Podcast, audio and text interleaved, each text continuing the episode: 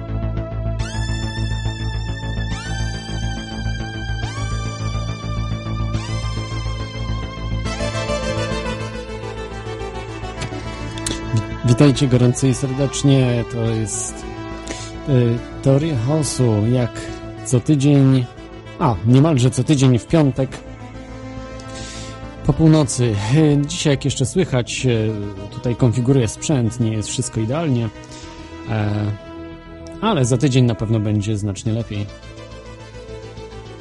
Dzisiaj mamy fenomenalny temat, do którego za chwilkę przejdziemy. Ale e, na razie chciałem jeszcze powiedzieć e, parę słów, że możecie Teorii Chaosu słuchać w Radiu na Fali oraz Radiu Paranormalnym, a także kilku innych radii, radiów e, także puszcza tą audycję. A ja już nadaję tak, z Irlandii jest noc w Irlandii, w Stanach Zjednoczonych jeszcze chyba w niektórych stanach mamy widno, a pozdrawiam oczywiście wszystkich słuchaczy, także tych ze Stanów Zjednoczonych. Yy, I co?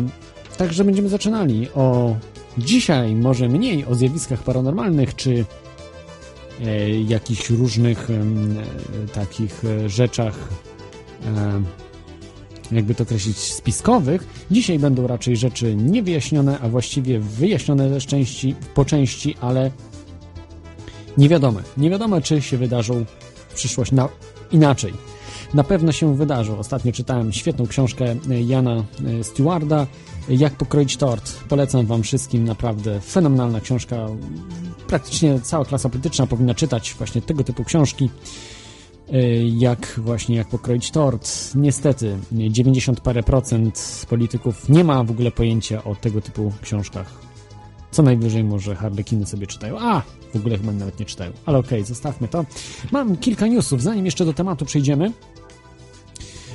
Pierwszym newsem jest to, że jutro, jutro ruszam z akcją na Polak Potrafi do zbierania na profesjonalny podcast. Profesjonalny podcast właśnie o sprawach niewyjaśnionych. Podcast, można by powiedzieć, połączenie Bogusława Wołoszańskiego z archiwum X. Nie wiem, czy coś takiego może wyjść, ale postaram się Was nie zawieść, jeśli oczywiście uda mi się zebrać fundusze na to, żeby było dosyć to wykonane profesjonalnie.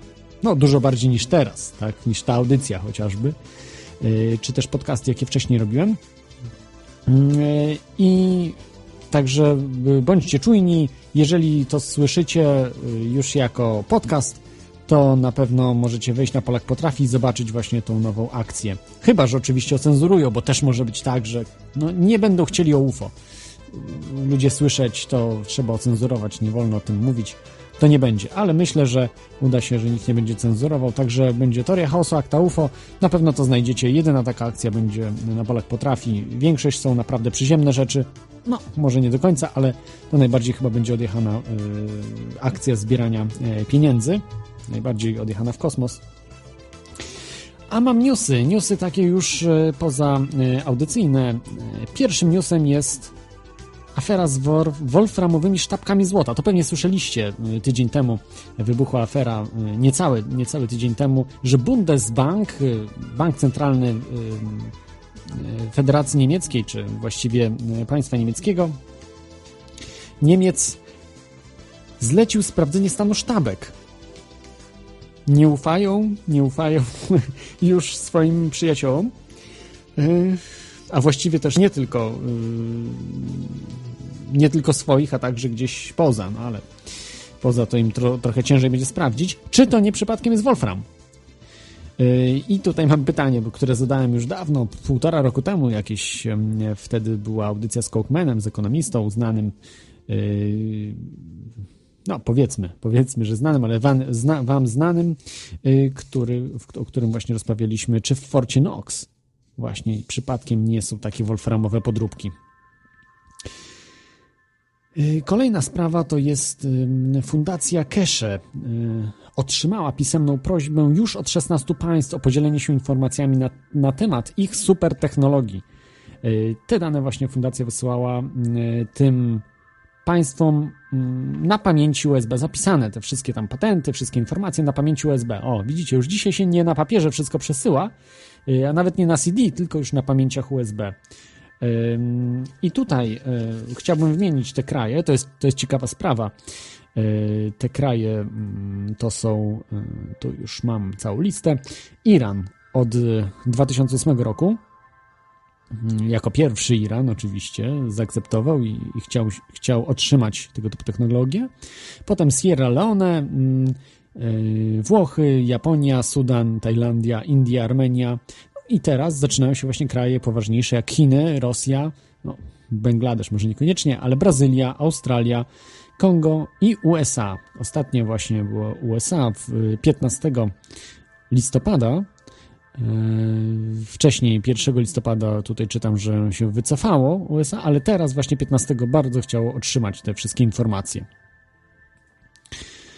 Yy, I co mogę powiedzieć o tym? Jest to bardzo. Ja mam bardzo mieszane uczucia w stosunku do mm, tej fundacji.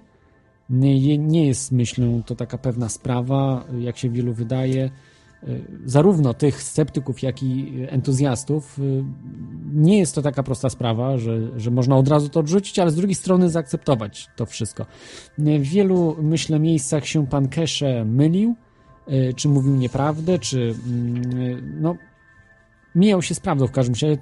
Chociażby o tym, jak mówił, że spodek, który Iran wybudował, sprowadził na ziemię właśnie te drony myślę, że tutaj była jednak sytuacja, że te drony były sprowadzane za pomocą po prostu hackingu, czyli spoofingu tak zwanego, e, przejęcia po prostu e, samolotu za pomocą prostych sztuczek, prostych, przesadzam, że prostych, nie wiem, czy w Polsce by się to udało, na przykład takim jakiemuś zespołowi naukowców, natomiast Irańczykom się na 100% to udało, podmienili po prostu współrzędne GPS, Y, temu mm, samolotowi, tak jakby, i wylądował na najbliższym lotnisku na, na podobnej wysokości, także udało się sprowadzić ten, tego drona na ziemię.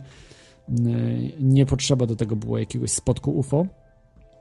Y, tak jak mówił pan Kesze. No i tutaj właśnie jest ta sprawa, że, że mijał się z prawdą, więc być może też z całością się mija z prawdą, że to są po prostu stek jakichś różnych Y, wymyślonych zupełnie rzeczy. No, ciekawa sprawa. Jeśli się okaże to y, prawdą, to co mówi ta cała technologia, to na pewno wyjdzie w końcu no, na światło dzienne i zobaczymy, co jest to warte, czy faktycznie można UFO zbudować dzięki temu. Latające UFO. E, kolejną informacją jest CNN. E, już nie wyśmiewa zjawiska UFO. Relacja była z 13 listopada. Możecie sobie zobaczyć w internecie, że y, sami nawet sam CNN nagrał UFO w rejonie Denver. E, niesamowite y, historie i się przestają śmiać z tego. Myślę, że to jest jakiś prikaz z góry. Mają jakieś polecenie, aby już nie wyśmiewać tego zjawiska, tylko y, przygotowywać ludzi na ujawnienie pewnych informacji. Czyli może w niedługim czasie się y, być po prostu jakaś rewolucja. No bo wyobraźcie sobie, że wyjdzie Barack Obama i powie, że no jednak troszeczkę mieszaliśmy z tym UFO. Y, UFO jest troszeczkę, można powiedzieć, więcej niż jakimiś tam obiektami. Być może są to kosmici.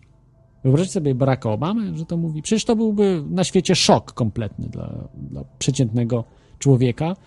I no, nie wiem, byłby chaos przynajmniej przez jakiś czas. Przynajmniej tak mi się wydaje. Jeżeli Barack Obama coś takiego by powiedział. No, dlatego nie mówi.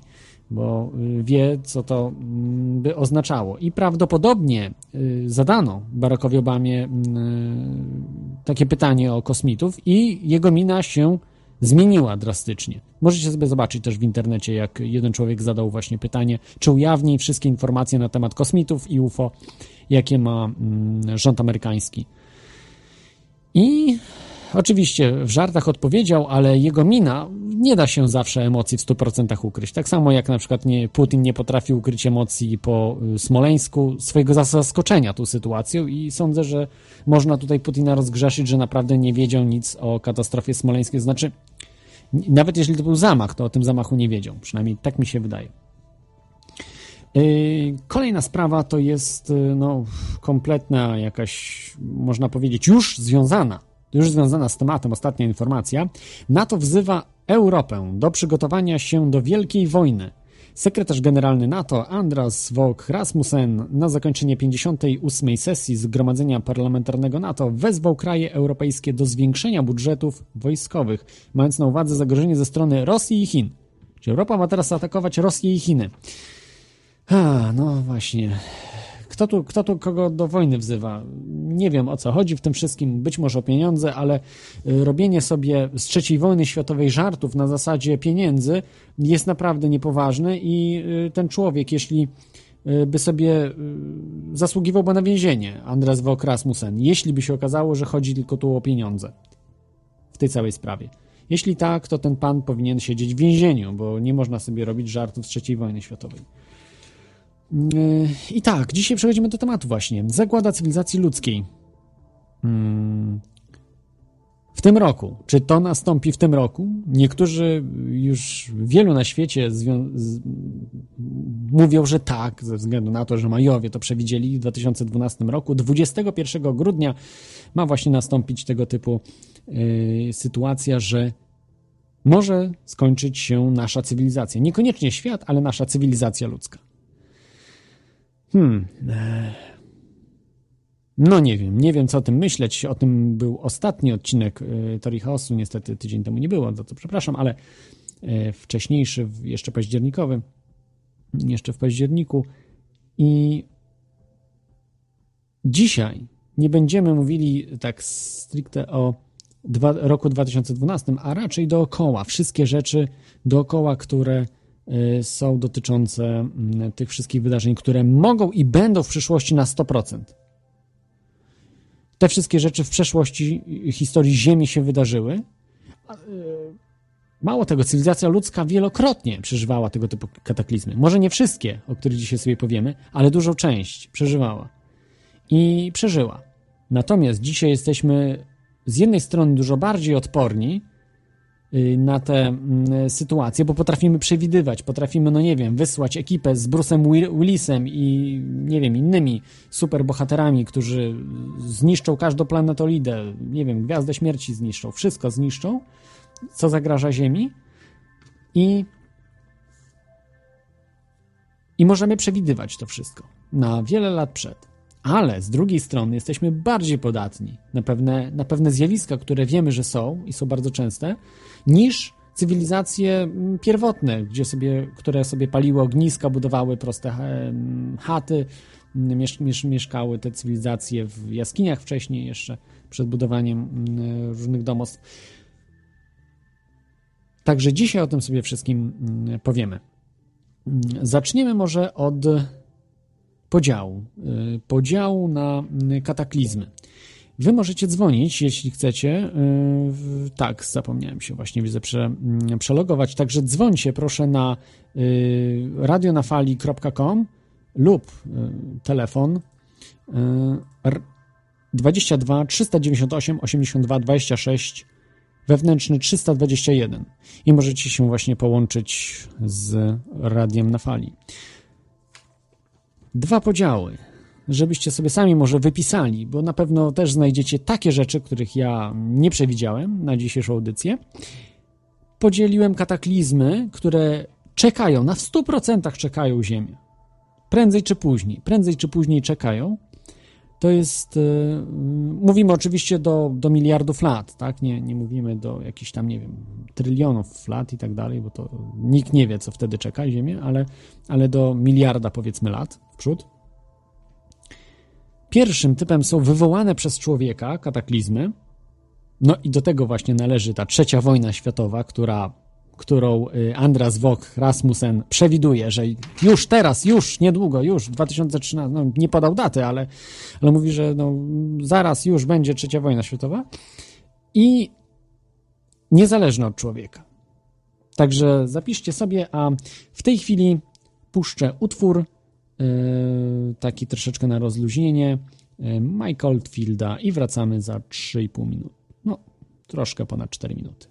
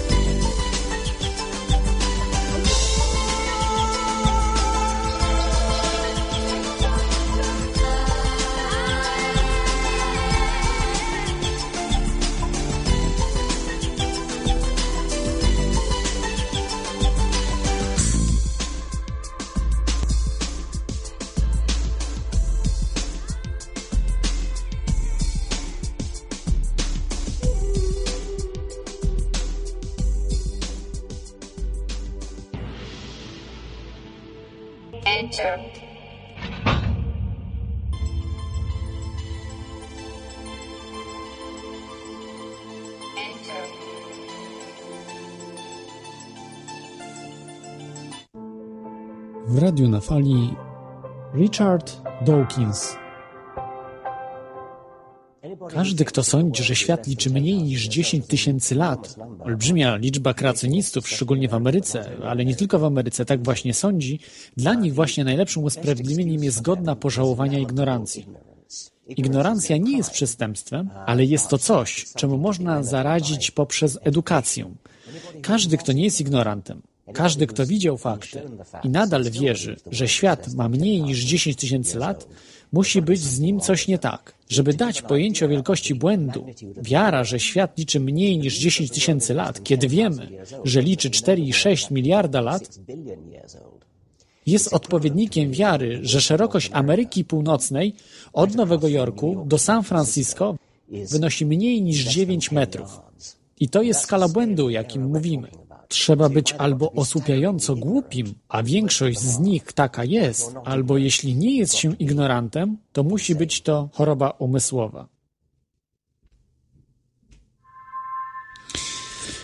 Tak, jesteśmy e, teraz z powrotem. Mamy pierwszy telefon, także odbiorę dzisiaj taka troszeczkę luźniejsza audycja, żeby was nie straszyć tymi wszystkimi kataklizmami. Także mm, z nami jest chyba stały słuchacz. E, Witaj, stały słuchaczu. Jesteś na antenie. Halo, dzień dobry. Tak, jesteś na antenie w tej chwili. Witaj. Już e, chciałem teraz wymienię e, te katastrofy, które mi na myśl przychodzą. Na, zacznijmy od naturalnych katastrof, które e, mówię o tych, które naszej cywilizacji, te,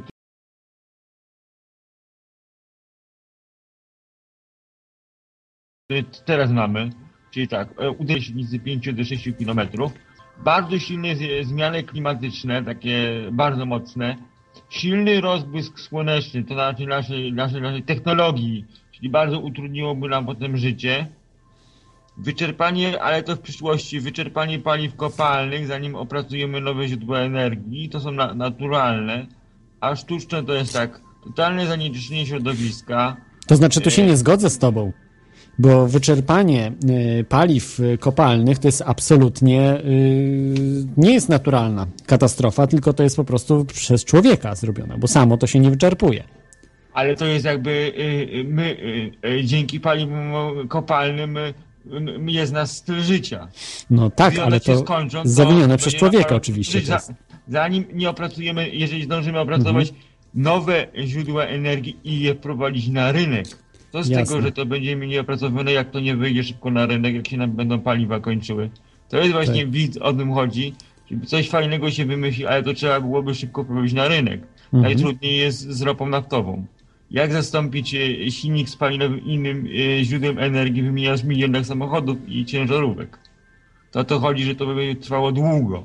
Zastąpienie tego właśnie źródła energii. Z prądem nie ma problemu, więc zamieniamy w elektrowni i nic się nie zmienia. To jest to jedna rzecz. E, Sztuczne to są skażenie środowiska, na przykład wojna, trzecia wojna światowa, jakieś Tak. zmiany genetyczne, czy coś takiego. Y, No, to, to wszystkie są groźne te na- naturalne zjawiska na, na skalę kosmiczną, czyli uderzenie asteroidy, rozbłysk słoneczny, wybuch superwulkanu, czy kilku dużych zwykłych wulkanów, to nam bardzo utrudniło życie, jakieś problemy z, z wegetacją roślin. Na, na, na tyle mam na, na ten temat sugestie. Mhm. No dziękuję ci. Jeżeli jest... chcecie, to wyślę, wyślę panu na, e, na, na, na Skype'a dwa linki o rozbłyskach słonecznych, dwa filmy dokumentalne. Y, pan na czata tak, wrzucić? n- Chce n- pan? tak, tak, proszę, proszę wrzucić. E, To ja... Zaraz, zaraz. Ja, ja może przekażę e, tutaj słuchaczom, a no, mam trochę jeszcze własnych, ale już trochę pozbyłem się dzięki tobie, stały słuchaczu, że tutaj wymieniłeś aż tyle po prostu różnych tych właśnie kataklizmów. A powiedz mi, czego ty się najbardziej obawiasz? Tak, tak mówiąc po ludzku, w najbliższych latach, bo na pewno któreś z tych się kiedyś wydarzy, ale tak w najbliższych latach, tak w przeciągu na, najbliższych pięciu lat, a może mniej. politycznych, y, politycznych, politycznych, y, politycznych, bo politycznych czy y, ze środowiskiem to nie, nie spodziewam się że w najbliższych latach jakichś e, zmian, które by nas bardzo uderzyły, czyli jakby mówiąc, zagroziły naszej stabilizacji jako, ogólnie jako naszej cywilizacji. Mhm. To jakieś polityczne mogłyby być nagle, coś by się mogło stać, ale od środowiska to, to wątpię, bo to jest, e, nie licząc asteroidy, ale to w każdej chwili mogłyby nas za Słońca wylecieć asteroidy i nas, i nas przywalić. Tego, tego nikt nie wie. My tylko znamy około 5 do 20% e, to, co nam krąży nad głową, a reszta jest niewykryta. Więc tego nie można przewidzieć. Mhm. Co mogłoby na, Tak. na, na, na, w tym momencie mogłoby na asteroidę uderzyć i kilka sekund później pan zamilkł. Nie, Ja aż tak chyba źle nie byłoby, bo jednak by chyba do Ja przodu... bym uderzyła o średnicy 5 km, co bardzo szybko. ale y, wykryto by ją chyba wcześniej, wydaje mi nie, się. jeżeli by nadleciał słońca, to wykryto by ją dosłownie kilka dni przed uderzeniem. A, no to jeszcze kilka dni byśmy mieli jednak. Yy, Te, ale my mogliby tego nie podać do wiadomości publicznej, bo po, niech ludzie żyją w te, te kilka dni e, bez świadomości, bo i tak nic z tym nie zrobimy. No ja bym też tak zrobił, jakby ktoś to wykrył, gdyby to było kilka dni do uderzenia, to bym nie ludziom nie dawał e, informacji. Zostały nam pięć dni do końca naszej cywilizacji e, i, i ro, ro, ro, róbmy co chcemy. Dobrze. Y, To dziękuję Ci, dziękuję Ci za ten telefon. Wyś, wyślę te linki. Dobrze, poproszę linki, ja prze, y, przepiszę, także dzięki.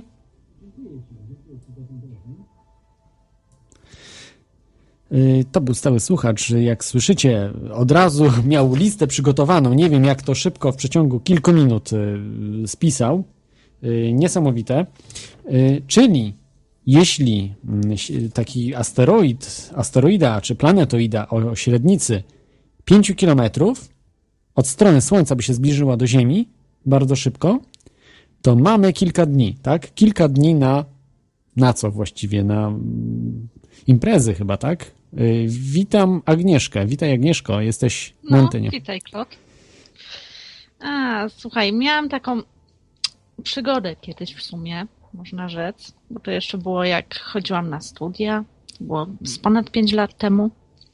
Tylko fakt, że przygotowywałam dyskusję na temat asteroid właśnie i planetoid. No ale wiadomo, jak to na studiach. To tak, prędzej ja miałam więcej wiedzy na ten temat niż ktokolwiek w mojej grupie. No ładnie, ładnie. A y, to było na temat takich y, chyba większych, prawda? No bo też można powiedzieć, że meteoryty to też są jakieś tam formy, no może nie, nie Słuchaj, w niekoniecznie sumie asteroid, ale to co ja wtedy widzia, nieszkodliwe wiedziałam, są. to jest po prostu mało w stosunku do tego, co teraz wiem. O, to może nam się zaprezentujesz. dowiaduję właśnie w tych tematach. Jak, jakiej na przykład, no mam do ciebie pytanie, bo ja to się tylko tak z grubsza przygotowałem. I jakiej wielkości musi być y, asteroida, y, aby nic się nie stało nam? Powiedzmy, że no praktycznie nieodczuwalne. Czyli do jakiej wielkości może spaść?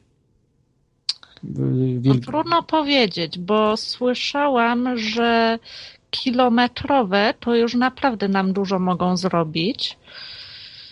Kilkusetmetrowe, o ile tyle co ja czytałam, nie wiem czy się dobrze dokopałam, bo kilkusetmetrowe mogą i miasta zniszczyć. Ale tak konkretnie, gdzie jest ta granica, która by mogła na przykład wywołać y, zimę już po tym uderzeniu, taką dłuższą, albo i co gorsza, no to tutaj właśnie się nie orientuję, jakie są te granice. Mhm. Y, Okej, Czy dobrze. nam coś może zrobić? No słuchaj, ponoć y, ta słynna planetoida, Tungu, znaczy właściwie to nawet nie była planetoida, bo to był mały obiekt. No jak, chociaż w sumie te badania na temat y, Tunguski to są akurat nie takie, że tam nie wiadomo, co to dokładnie był za obiekt. Nie są do końca pewni, czy to był, była jakaś skała, czy może miało taki skład, że wybuchło właśnie na jakiejś tam wysokości i zmiotło las. Ja słyszałem, że to mogła być właśnie jakaś ko- kometa, y, bo nie znaleziono śladów za bardzo y, tego, mm, tego wybu- wybuchu. Tak jakby to był meteoryt, to mnóstwo, prawda, byłoby tych kawałków, czy asteroid. To był, byłby ten asteroid gdzieś się wtopił, gdzieś albo rozpadłby się na mnóstwo kawałków, a tam nie było te, tych śladów praktycznie. Co do Tunguski, to jeszcze ciekawszą rzecz słyszałam, bo sobie często wieczorami, to już tam po naszych audycjach, słucham y, Radia Paranormalium, co nie? Oni tam dużo mają tych powtórek audycji. Było o Tungusce i było, że niewykluczone, że tam jest jakiś system, ponoć starożytny jeszcze, który służy właśnie do ochrony tamtego rejonu przed y, właśnie uderzeniami takich obiektów. Mm, Też o tym słyszałem. Y, Tam w Jak- w Jakucji, tak? Y, Tak, to, w Jakucji, y, mhm. Właśnie w tamtej części Syberii. Mm, Też o tym słyszałem, ale no, mm, no mówię, jakoś nie ma, nie ma badań za bardzo, prawda? Bo te, tego terenu, jeżeli byłyby te obiekty, to powinny być już spenetrowane, prawda? Bo to nie jest jakiś teren Ziemi nie, niezdobyty zupełnie. Jest trudne oczywiście, ale to nie jest Antarktyda, prawda? To jednak tam można pojechać, y, zrobić helikopterem obi- objazd, można wziąć ekipę, prawda? Pokopać trochę, y, pobadać te, ten teren. Niestety, no, czegoś takiego się nie robi. A może ktoś robi, tylko oczywiście nie ujawnia. No, cie- ciekawa sprawa to jest. Wiem, No, że... nie musimy wiedzieć o takich badaniach. Rosjanie dużo tam badań mogą w ukryciu robić. Wiadomo, jak to oni. E, Właśnie co do wielkości obiektu, to nie zastanawiałam się właśnie, jaki musiałby być ten obiekt maksymalnie, żeby nam krzywdy nie zrobił. A na przykład SS przed chwilą to w sumie uprzedził moje pytanie, bo miałam się pytać, a co z tymi obiektami, które od strony Słońca by nas właśnie zaatakowały, a my byśmy ich nie widzieli przez teleskopy. No. Nie wiedziałam, że jednak kilka dni byśmy mieli. No to dobre i to. Wiem, że ktoś na czacie napisał, że te kilka dni na modlitwę można by przeznaczyć. No, a co do skutków, no wiesz, tektonika od razu by się obudziła, jakby w odpowiedniej wielkości obiekt wpadł. I cóż, w sumie to nie ten obiekt mógłby nas dobić. Tylko wystarczy, że nasze wulkany. Mhm. Czyli jakby uderzyła taka asteroida, y, to odezwałyby się wulkany, tak? Superwulkany i wulkany nagle mogłyby po prostu No, zacząć. głównie to się mówi właśnie o superwulkanach. Wystarczyłyby, a ponoć jest taki w Europie, gdzieś zachodniej, który całej Europie zagraża. Mm. Y, Wiem, że jest w parku Yellowstone chyba też taki właśnie super kalde, A, kaldera. to ten mniejszy, a ich jest co najmniej kilka na całym świecie. Mhm. Jakby tak właśnie ruszyło one, to byłby super wulkan. To nie taki wulkan jak ten na Islandii, co zatrzymał, prawda, te samoloty y, w, Europie, tylko naprawdę taki wulkan, który po prostu by się, nie wiem, ciemniej zrobił na całej Ziemi, prawda? Takie rzeczy straszne. Naturalne. Co więcej, wiesz, co można by na przykład do tych e, teorii właśnie zagrażających, to jeśli chodzi o masowe wymierania, no to tutaj są ciekawe teorie na ten temat, bo nawet i takie, które mówią, że okresowo co jakiś czas uderzały w nas obiekty, które powodowały te masowe wymierania właśnie. No w każdym bądź razie ostatnie takie masowe wymieranie, no to było gdzieś pod koniec epoki lodowcowej. Co ciekawe. Mhm. No i tutaj nie wiadomo, czy coś też nie uderzyło właśnie. W każdym bądź razie był taki Ale ludzkość numer, przeżyła, ludzkość przeżyła, bo że- jesteśmy. Są odkrycia dotyczące mamutów, które dotyczą, że te zwierzaki w bardzo krótkim czasie zginęły. Mhm. Bo nawet odnajdywano I jeszcze... to nie tylko mamuty chyba, prawda? Bo tam było więcej różnych zwierząt takich, które, które poginęły. Tak, głównie chodzi o te badania te- na Syberii właśnie. y, szab, szablozębne to były, co były, jak one się, koty, czy, no, no nie wiem, te różne, różne takie e, zwierzęta, No. prawda, ssaki. Jest teoria, że coś w nas uderzyło, wulkany się obudziły w iluś tam rejonach, no i potem nastała właśnie zima. W krótkim czasie było uderzenie zimy, właśnie nagły, nagły spadek temperatury i zwierzaki ponoć w bardzo szybkim czasie zginęły. Mhm. No tak, to te wymierania, no najbardziej znane jest, prawda, dinozaurów 65 milionów lat temu i to było uderzenie potężne, że No być ale może jakby tak... sobie właśnie więcej poczytać o masowych wymieraniach, Mhm. no to naprawdę teorie dotyczące ich są ciekawe.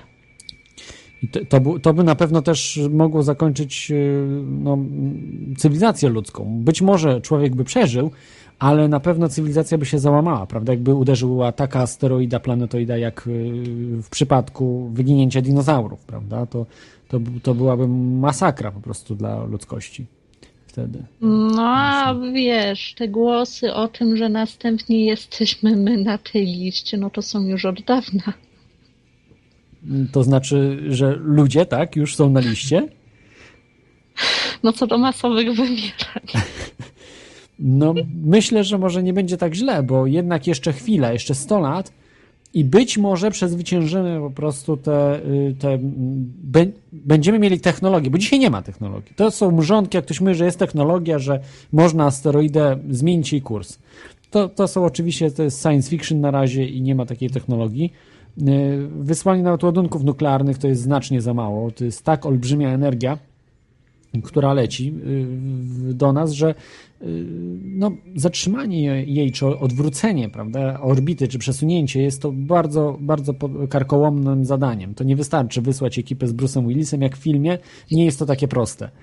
Y, którzy tam polecą i zrobią porządek z tą, z Też wtedy te parę lat temu czytałam już różne teorie na ten temat właśnie, jakby można temu zapobiec, ale to były takie pomysły, które no naprawdę za duże koszta i w ogóle takie przyszłościowe bardziej projekty no wtedy nie ma już za dużych kosztów, bo koszty już nie, nie, nie grają roli. Wszystkie państwa wtedy łożą, ile, ile dają, no, sami ludzie też by e, dawali, tylko nie ma technologii. To jest problem, bo...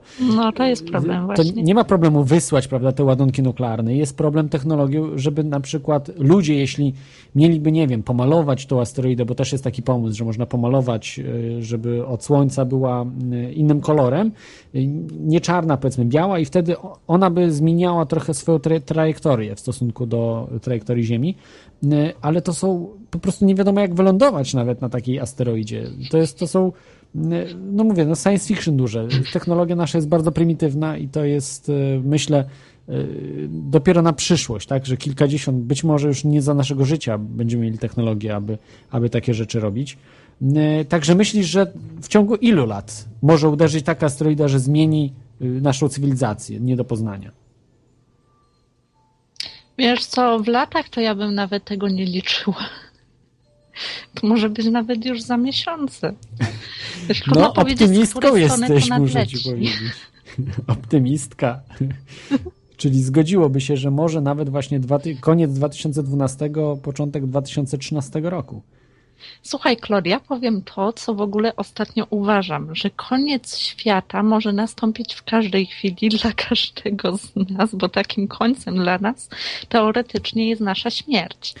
No tak, ale dzisiaj mówimy już o takim prawdziwym końcu świata, czyli e, hmm. dla może nie całej, bo to nie chodzi o to, że cywilizacja ludzka zginie kompletnie, być może tak, bo też są takie możliwości, takie dinozaury zginęły, wyginęły, y, ale po prostu zmieni się kompletnie, że może na przykład inny gatunek się z człowieka wytworzy, bo być może, o, może zrobi być. się cała cywilizacja upadnie, tak? Że nie będzie prądu, nie będzie niczego, tak jak mówił Kononowicz, nie będzie czegoś takiego, że, że będzie elektronika, to po prostu wszystko ulegnie y, zatarciu. Ludzie powrócą do y, pierwotnych, że tak powiem, y, nie wiem, jak 50 tysięcy lat temu żyliśmy, prawda? Czekaj, jeszcze coś dodam.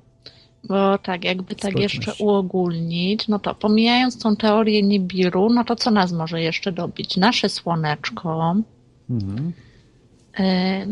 No już w odległej przyszłości, bo tam w ogóle swego czasu to ja dużo tych filmów e, popularno-naukowych oglądam, no to jak nie nasze Słońce, jak nie nas, w nas coś rąbie, no to nie wiadomo co będzie, jak galaktyka Andromedy się zderzy z drogą mleczną. Uuu, ale to słyszałem, że to za ileś e, miliardów lat chyba ma się zdarzyć. No to dopiero do tego czasu to już e, co nas jeszcze może dobić? Nasza własna planeta, bo naszej własnej planety dobrze nie znamy. Możemy się sami wzajemnie wybić. No i Słońce za niecałe 5 miliardów lat podobno ma też. Także tych zagrożeń to po zniszczyć prostu Ziemię. Także Słońce się, jak wypali się, to zrobi się takim olbrzymem, czerwonym, co wchłonie Ziemię nawet. E, tak, potem po jakimś czasie znowu szkarłem i potem kolejna czarna dziura może powstać. Nie, chyba ze Słońca, za małe jest chyba Słońce z tego, z tego co czytałem. Musi być, musi być potężniejsza gwiazda. Ale dobrze, yy, czy jeszcze chciałabyś... Jeszcze chciałabyś dodać właśnie o tych y, asteroidach coś ciekawego y, na koniec. W sumie nie mam nic do dodania akurat nie w tym temacie. Zobaczmy, mhm. co jeszcze wyjdzie w audycji. A ale... raczej teraz już będę słuchać. Okej, okay, dzięki, dzięki za ten telefon, ale bardzo ciekawie właśnie powiedziałeś, że na studiach miałaś taki temat i takie mm, e, przygotowywałeś, prawda, materiały na, w tym temacie. To jest no, bardzo ciekawe. Się. Bardzo, bardzo, za mało się na ten temat mówi. Za mało na ten temat się mówi. Kompletna jest ignorancja w tym temacie, że zajmuje, zajmują się ludzie, politycy, prawda, tymi nieważnymi sprawami, bo jeżeli coś takiego miałoby miejsce, a to na pewno się wydarzy. To nie jest, że to może się wydarzyć, prawda, za rok, za 10 lat, za 100 lat i to jest bardzo, i coraz bardziej, znaczy to nie jest coraz bardziej prawdopodobne, tak jak, ale na 100% się kiedyś wydarzy. Ale, ale się wydarzy, kiedy. tak, dokładnie. Się kiedyś wydarzy i lepiej być na to przygotowanym, przynajmniej spróbować, zacząć, prawda, w tym kierunku myśleć. No dokładnie. Dziękuję Ci za ten telefon.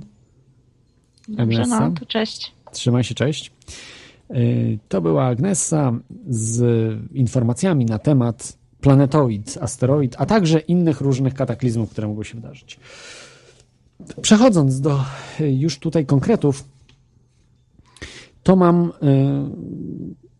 mam za, zaczniemy od kataklizmów pierwszego typu, czyli zależnych od człowieka, których możemy uniknąć. W 100% możemy uniknąć, tylko to od nas zależy, czy pójdziemy tą złą drogą, doprowadzając do kataklizmu, czy też jednak e, pójdziemy w stronę mm, prawidłowego rozwoju, w stronę tego, jak powinniśmy funkcjonować, jak powinno być, unikając tego kataklizmu.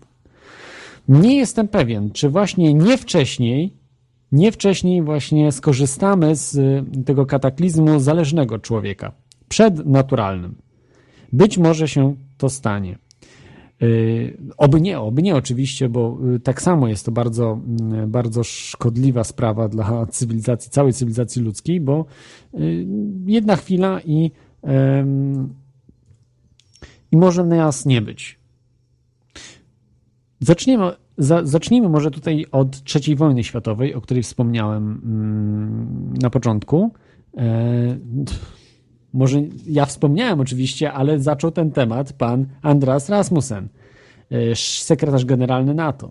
No po prostu to jest, myślałem, że to żart był, ale no niestety, no takie rzeczy się y, y, politycy mówią, że trzeba się przygotowywać na trzecią wojnę światową, na, na konflikt jakiś, być może nuklearny, bo przypominam, że i Francja, i Wielka Brytania, już pomijając Stany Zjednoczone, też mają głowice nuklearne, Rosja ma głowice nuklearne, Chiny, Izrael, Pakistan, Indie, no i kilka jeszcze innych krajów, jak Iran, y, być może Korea Północna.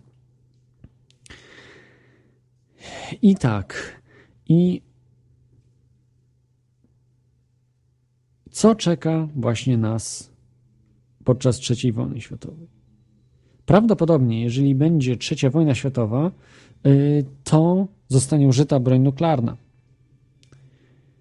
A broń nuklearna dzisiaj na świecie jest tak potężna, że może zniszczyć, jedna taka bomba może zniszczyć całą Europę. Są tak potężne ładunki, że potrafią zniszczyć całą Europę. Które nigdy nie zostały oczywiście użyte, nawet do testów, ale mm, są w gotowości. Zarówno y, te akurat ładunki są, to są termojądrowe, y, tak zwane bomby wodorowe, i one są chyba już tylko zarezerwowane dla y, dwóch lub trzech krajów. Prawdopodobnie, na pewno, znaczy na pewno mają Stany Zjednoczone i Rosja i być może Chiny, ale nie jestem pewien. Na pewno, na pewno te dwa kraje mają. Być może inne kraje też y, mają tego typu y, broń.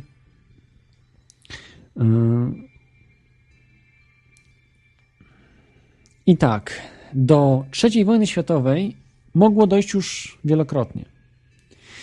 Y, Mogło dojść właśnie y, 17, od 17 do 19 kwietnia 1961 roku. Tam, jak wiecie, była y, taka, taki incydent w Zatoce Świń, y, gdzie na Kubie zostały rozłożone y, ładunki nuklearne i to się nie podobało Stanom Zjedno- Zjednoczonym. Natomiast y, to się przedstawia we wszystkich mediach jednostronnie, ten konflikt. Nie było takie proste. Ja tu nie, nie chcę bronić absolutnie Związku Radzieckiego, który był okropnym państwem, jednym z najgorszych na świecie. Y, W tamtych latach może już była trochę odwilż postalinowska, ale jednak to dalej był zamordystyczny kraj. Czyli być może już nie Korea Północna, ale jednak y, kraj totalitarny w, duż, w dużej mierze. I, i właśnie w tamtym czasie Stany Zjednoczone nie chciały przepuścić y, kolejnych okrętów z y, głowicami nuklearnymi, które miały być instalowane na y, Kubie. Y, Dzięki temu, że y, mieliśmy y, w miarę światłych przywódców, jak y, John, Fitzgerald Kennedy, czy no, można też tak powiedzieć, że nie był idiotą kompletnym y, Nikita Chruszczow, doszli do porozumienia. Kubańscy oczywiście przywódcy to byli e, za przeproszeniem, no nie za przeproszeniem, bo byli e, idiotycznie nastawieni na życie i naprawdę oni nie cenili w ogóle życia, jak właśnie Fidel Castro, czy jeszcze właśnie w tamtym czasie e, Che Guevara, który wprost, zresztą to zostało też odnotowane, mówił, że po prostu Chruszczow jest za miękki, to mówił Che Guevara, że warto by było użyć broni nuklearnej. Jeżeli by to od nich zależał ten guzik, to by użyli Kubańczycy.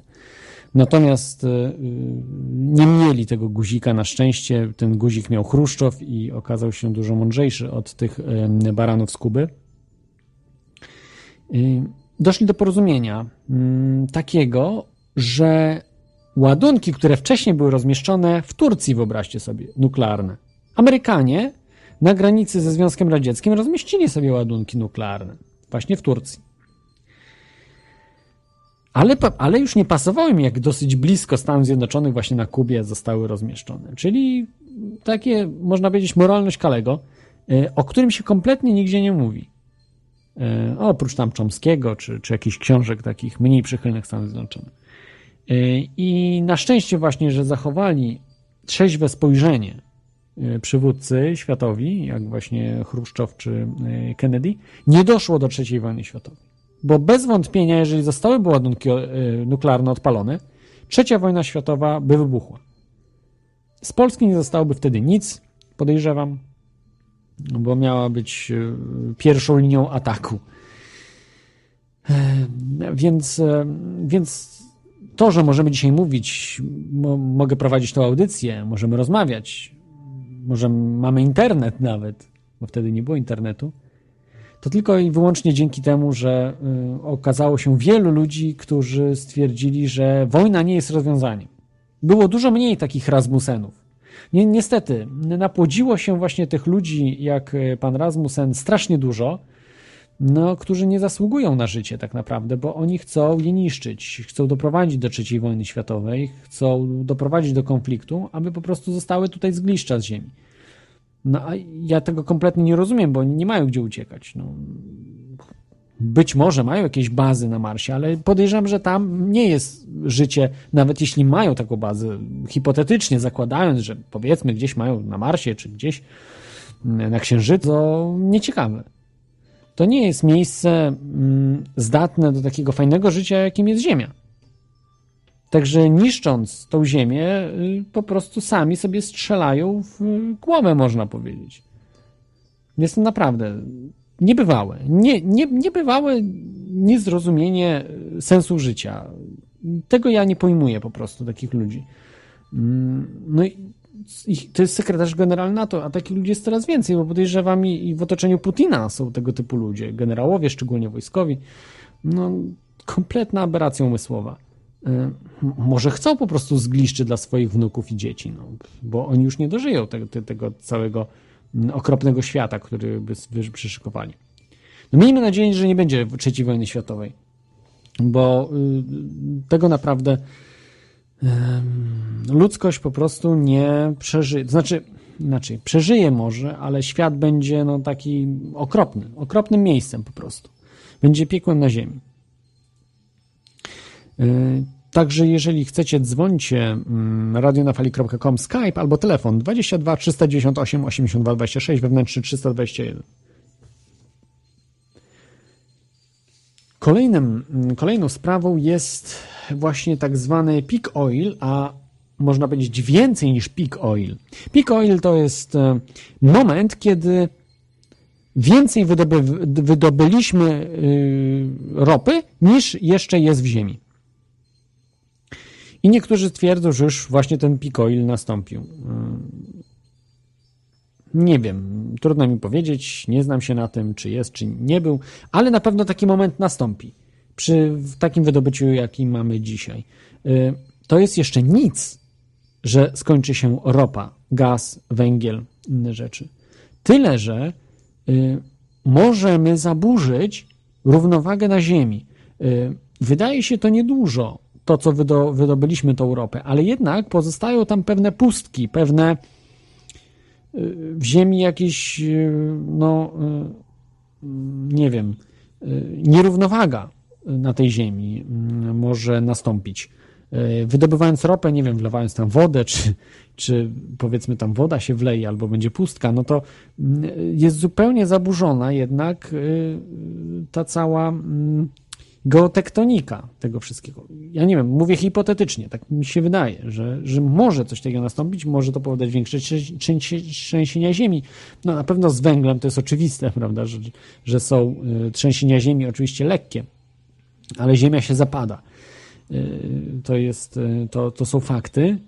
Mm, Natomiast właśnie z ropą też mogą być, że mm, przy dużym wydobyciu ogólnym tych surowców może nastąpić jakaś taka e, jakiś taki kolaps dziwny. No, może, może to nastąpić, ale przede wszystkim e, koniec może być świata tego, jeżeli nie z, wyjdziemy na, na, na wyżyny tego, żeby pomyśleć o nowych, e, o nowych sposobach pozyskiwania energii, to przy właśnie wyczerpaniu tych zasobów naturalnych może też dojść do wojny, może też dojść właśnie do zapaści, braku energii, e, braku y, spójności. Ludzie będą walczyli o, o, o dostęp do ele- energii, do tych zasobów naturalnych i mogą być takie nieciekawe rozwiązania.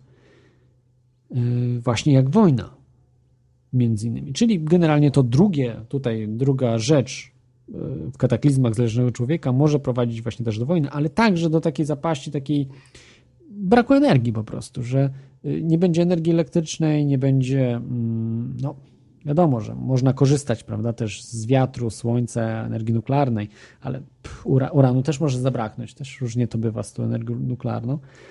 Każdym razie jeszcze, jeszcze zapasy są tego uranu, ale może też nastąpić, prawda, że będziemy musieli tylko liczyć na wiatr czy e, baterie słoneczne, ale może być ogólna zapaść, że no, może być coś nie tak, jeżeli nie będziemy wynajdowali nowych sposobów pozyskiwania energii, a nie tylko i wyłącznie właśnie z mm, ropy, gazu i węgla. Kolejnym takim tutaj mm, kataklizmem, który może czekać nas, zakładając oczywiście prawdziwość e, tej, tej rzeczy, to za chwilkę powiem, bo mamy kolejny telefon. E, Jest z nami krawiec. E, Witaj, krawcze. Witaj. Chciałem się podzielić informacją o pewnej grze, która pokazuje właśnie, jakby wyglądał, jakby wyglądał świat, gdyby konflikt kubański zakończył się konfliktem, e, znaczy gdyby kryzys e, kubański zakończył się konfliktem nuklearnym. I to jest e, gra, która niedługo się ukaże, Nuclear Union. E, co, co ciekawe, jest to rosyjska produkcja, która e, jest kontrowersyjna od tej strony, że jakby wychwala trochę i pokazuje w pozytywnym świetle Związek Radziecki. Więc to, tak, to jest taka odpowiedź na Fallouta, można powiedzieć, na kultową grę. Tyle, że rosyjska i to się niedługo ukaże. A co do tej e, planetoidy, która w Ziemię uderzy, to z kolei skojarzyło mi się to z Metal Hurlantem. Metal Hurlant to jest taki serial, który przedstawia y, taki y, fantastyczny, który przedstawia bardzo różne historie, każda jest o czymś zupełnie innym. E, Te historie dzieją się w przeróżnych, fantastycznych, alternatywnych e, światach i tak dalej, ale elementem wspólnym jest tam e, planetoida, taka w postaci głowy, która lata po kosmosie. E, I ta planetoida właśnie się nazywa Metal Hurland, to jest pozostałość po pewnej cywilizacji, która już wymarła. I tam, gdzie ta plane- planetoida się pojawia, tam się dzieją jakieś wojny zawsze, jakieś dziwne rzeczy, kataklizmy. I polecam bar bardzo ten serial, bo jest świetny. To jest taka jakby, mm, nie wiem czy pamiętasz, Klot, taki serial Strefa Mroku to się nazywało. Tak, Chodzi tak, mi o tak, taki oczywiście. y, serial y, parapsychologiczno-fantastyczny, gdzie były właśnie zupełnie różne historie. Mhm. Nie wiem, nie wiem, czy to się właśnie y, nazywało, czy po tamtej stronie. Zdaje się, że kilka było. Tak, I to tak, jest, tak, no.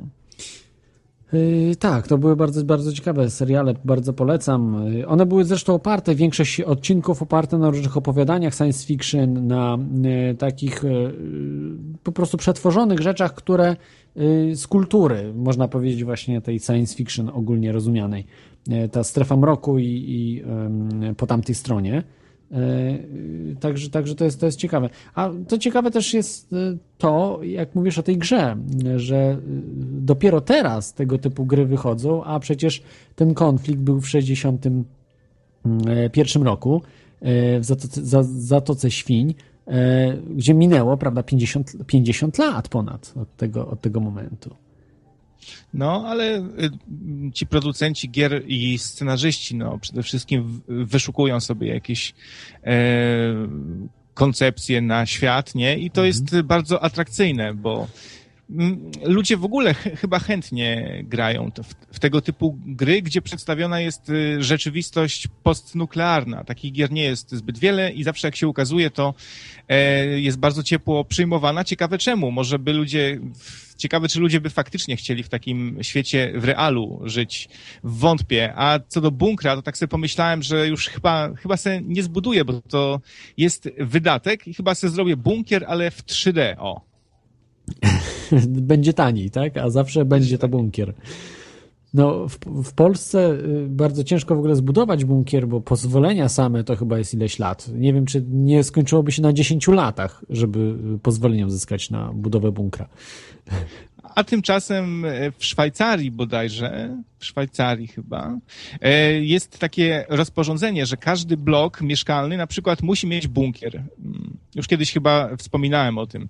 E, No i, i, i jeśli będzie jakiś kataklizm, to mieszkańcy tego kraju właśnie masowo się pochowają do tych bunkrów i przeżyją jakoś zagładę. Ale podobno straszna kasa na to idzie, na utrzymywanie, więc może wpadną na pomysł, aby jednak zlikwidować i wtedy będzie katastrofa. To by było, to by było, no, to by była ironia losu.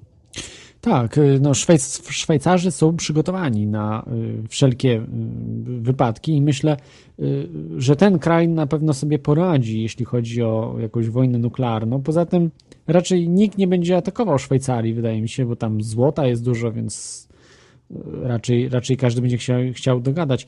Nie wiem, trudno powiedzieć, c- co by było gdyby i w ogóle czy będzie, oby nie, no bo trzecia wojna światowa, prawda, to nie, mm, nie, nie świetnie się kojarzy, tak? To, to będzie koniec. No, to będzie koniec na pewno naszej cywilizacji i nawet być może y, cywilizacji ludzkiej, tak? Że człowiek albo zmutuje, albo w ogóle wyginie, tak? Bo być może dojdzie do takiego skażenia, do y, takiego zniszczenia, że po prostu ludzie nie dadzą rady utrzymać się i znowu na przykład ewolucja zacznie się gdzieś tam od ryb, czy, czy nie wiem, od płazów i tak dalej, i tak dalej.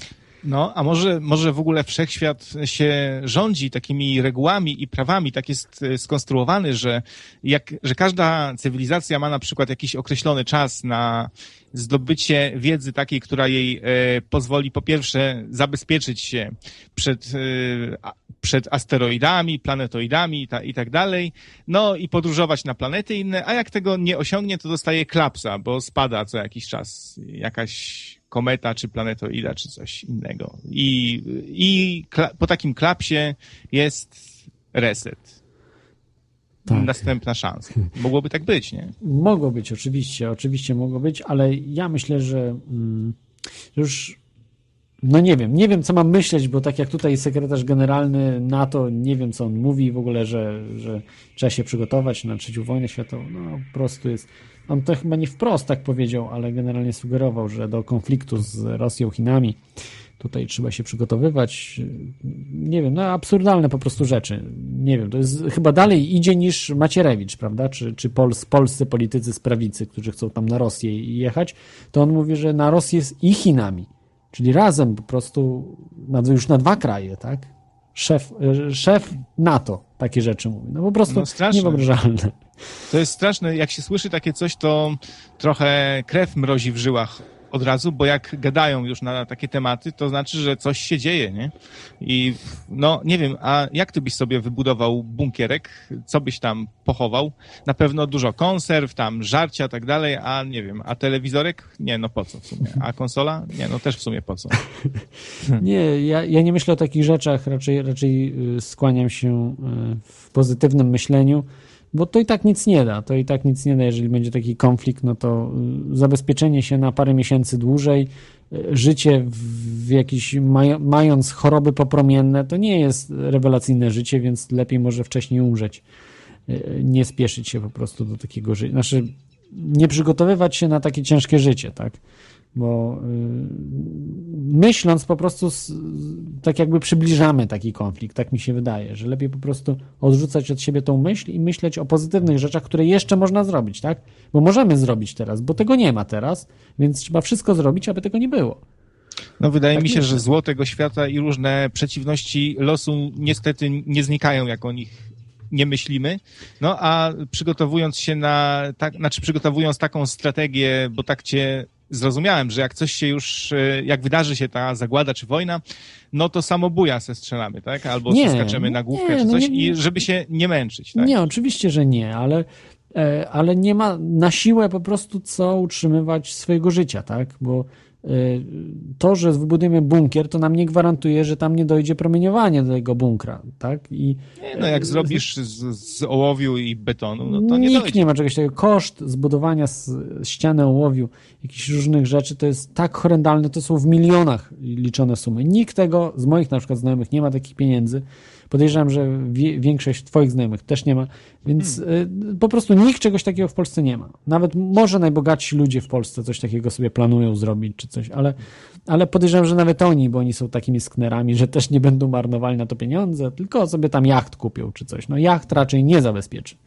e, No właśnie, a może lepiej sobie kupić jacht i, i popływać sobie jeszcze chwilkę przyjemnie po morzu, niż sobie budować bunkier, w którym będzie się potem tylko prze, przesiadywało na dupie i żarło, nie? No bo co można w takim bunkrze robić, jeśli już to wyruszyć w świat, nie?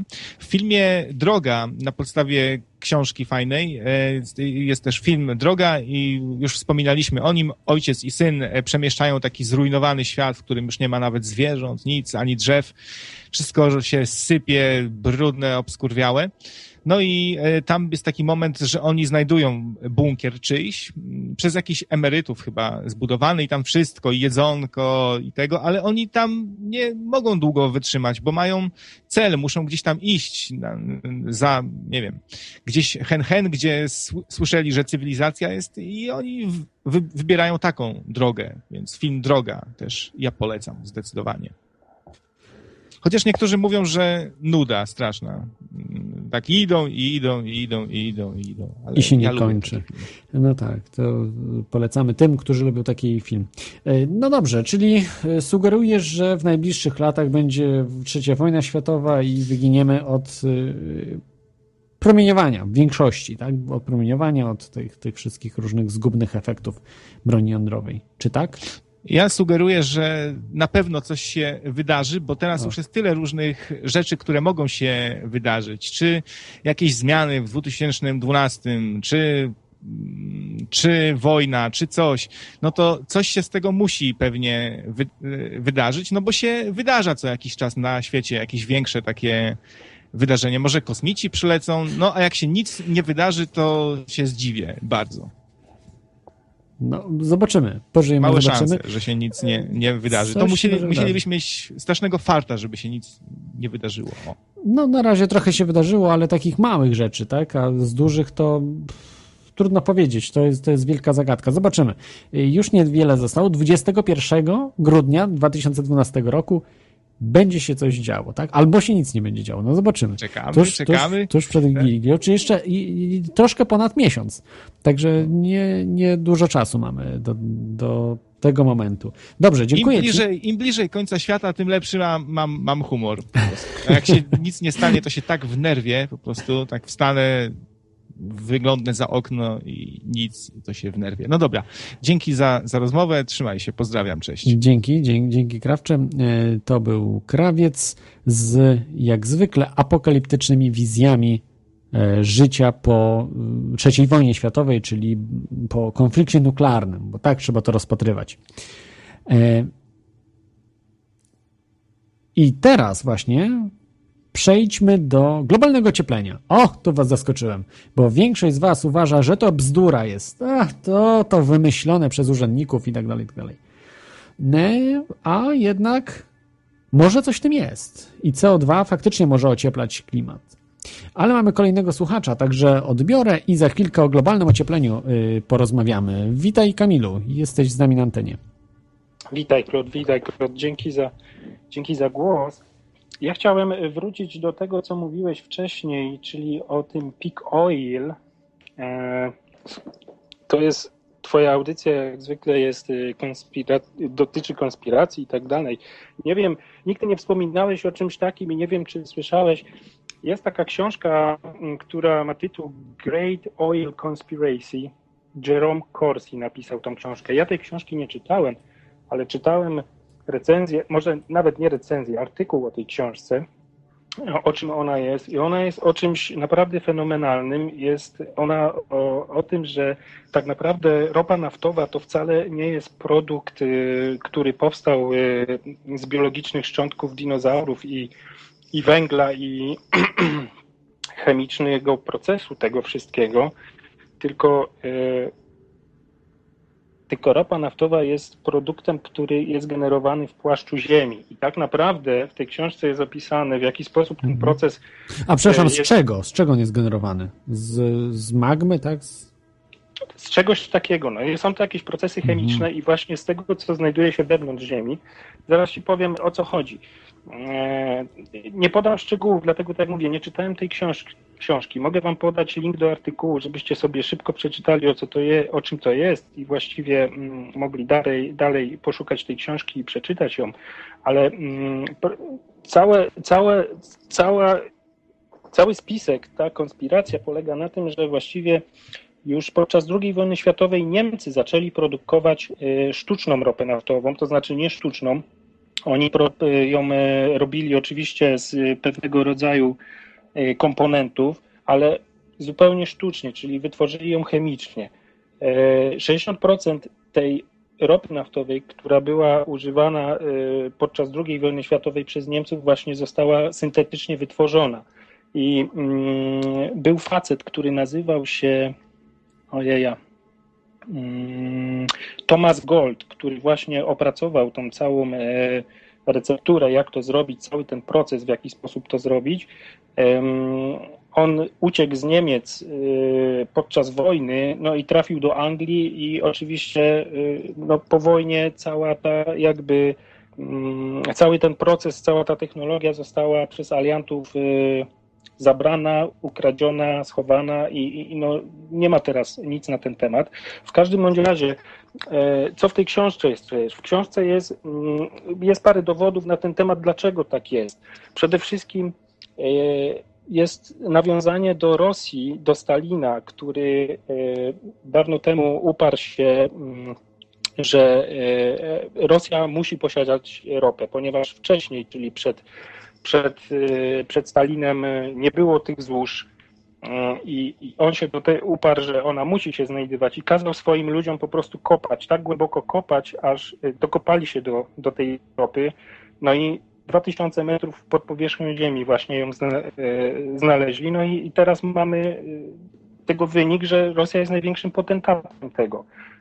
Inna z ciekawostek, która popiera tą teorię jest to, że ostatnio mm, Ostatnio Brazylia również znalazła ropę na swoich wybrzeżach. Oczywiście e, ona się znajduje bardzo głęboko, bo aż 10 kilometrów pod ziemią, no ale jednak jest i e, również w tej książce jest opisane, że no, albo są takie przypuszczenia, że niedługo Brazylia stanie się e, podobnym potentatem jak i, jak i Rosja.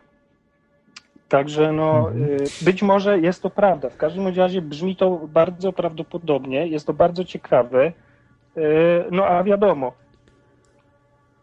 No Jakoś, ropa, e, nie- ropa, ropa Mhm. jest surowcem, który właściwie generuje y, największy przepływ pieniędzy, prawda? Y, Y, ta- Tak, po części się zgodzę. Ja myślę, że warto było zrobić odcinek cały o Picoil, o, o ty, ty, w tym temacie, y, z jakimś y, specjalistą być może, no w Polsce też są tacy, Y, bo jednak ja z tego, co słyszałem, że wiele y, takich wytwórców y, ropy, jak stawia taką rafinerię, to tam ta ropa się kończy. To nie jest tak, że oni, prawda, nagle muszą powiedzmy, czy wiem, że zale, zalepiać, po prostu kończy się ta ropa, tak? Że, że potem no wychodzi, jasne, no jasne, że już nie ma potem tej ropy, więc, więc y, to nie jest tak, że ona potem się nagle cały czas odnawia, bo jeżeli by się odnawiała, to wtedy można byłoby dalej pobierać, prawda, taką ropę, a jednak się ona kończy, więc... Nie, no y, ja, ja, ja się z tym zgodzę. To jest oczywiście racja, tylko że my tak naprawdę nie wiemy, jak długo zajmuje to powiedzmy temu ten cały proces, ile on musi trwać, żeby wytworzyć nową. Mhm. Ale- nową ale w ogóle nie wiemy, tak, bo jednak- pobraliśmy, jeżeli już ją wybraliśmy z tego złoża. Zgadza się, ale jednak y, ja nie wiem, no większość to są skały, tak? Jak na przykład gdzieś kopiemy i tak dalej, to jest glina, to są skały i tam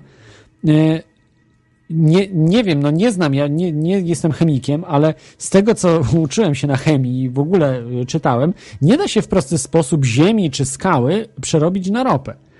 To są zupełnie inne minerały i y, energia wymagana i procesy chemiczne, no y, ja nie wiem, nie, nie czytałem o czymś takim, bo czytałem oczywiście, żeby przerobić na przykład jakieś organizmy y, żywe na ropę, czy też na przykład odwrotnie, ropę na mięso albo plastiki na ropę. To jest okej wszystko, bo to są te węglowodory, prawda, zbliżone do siebie, prawda, białka i te różne, ale ale substancje te mm, mine- mineralne są zupełnie innymi substancjami i nie wiem, czy to ta, w taki sposób właśnie to można wytworzyć. Czyli te skały magmowe to jest zupełnie co innego niż na przykład białko, prawda, które jest zbliżone do ropy.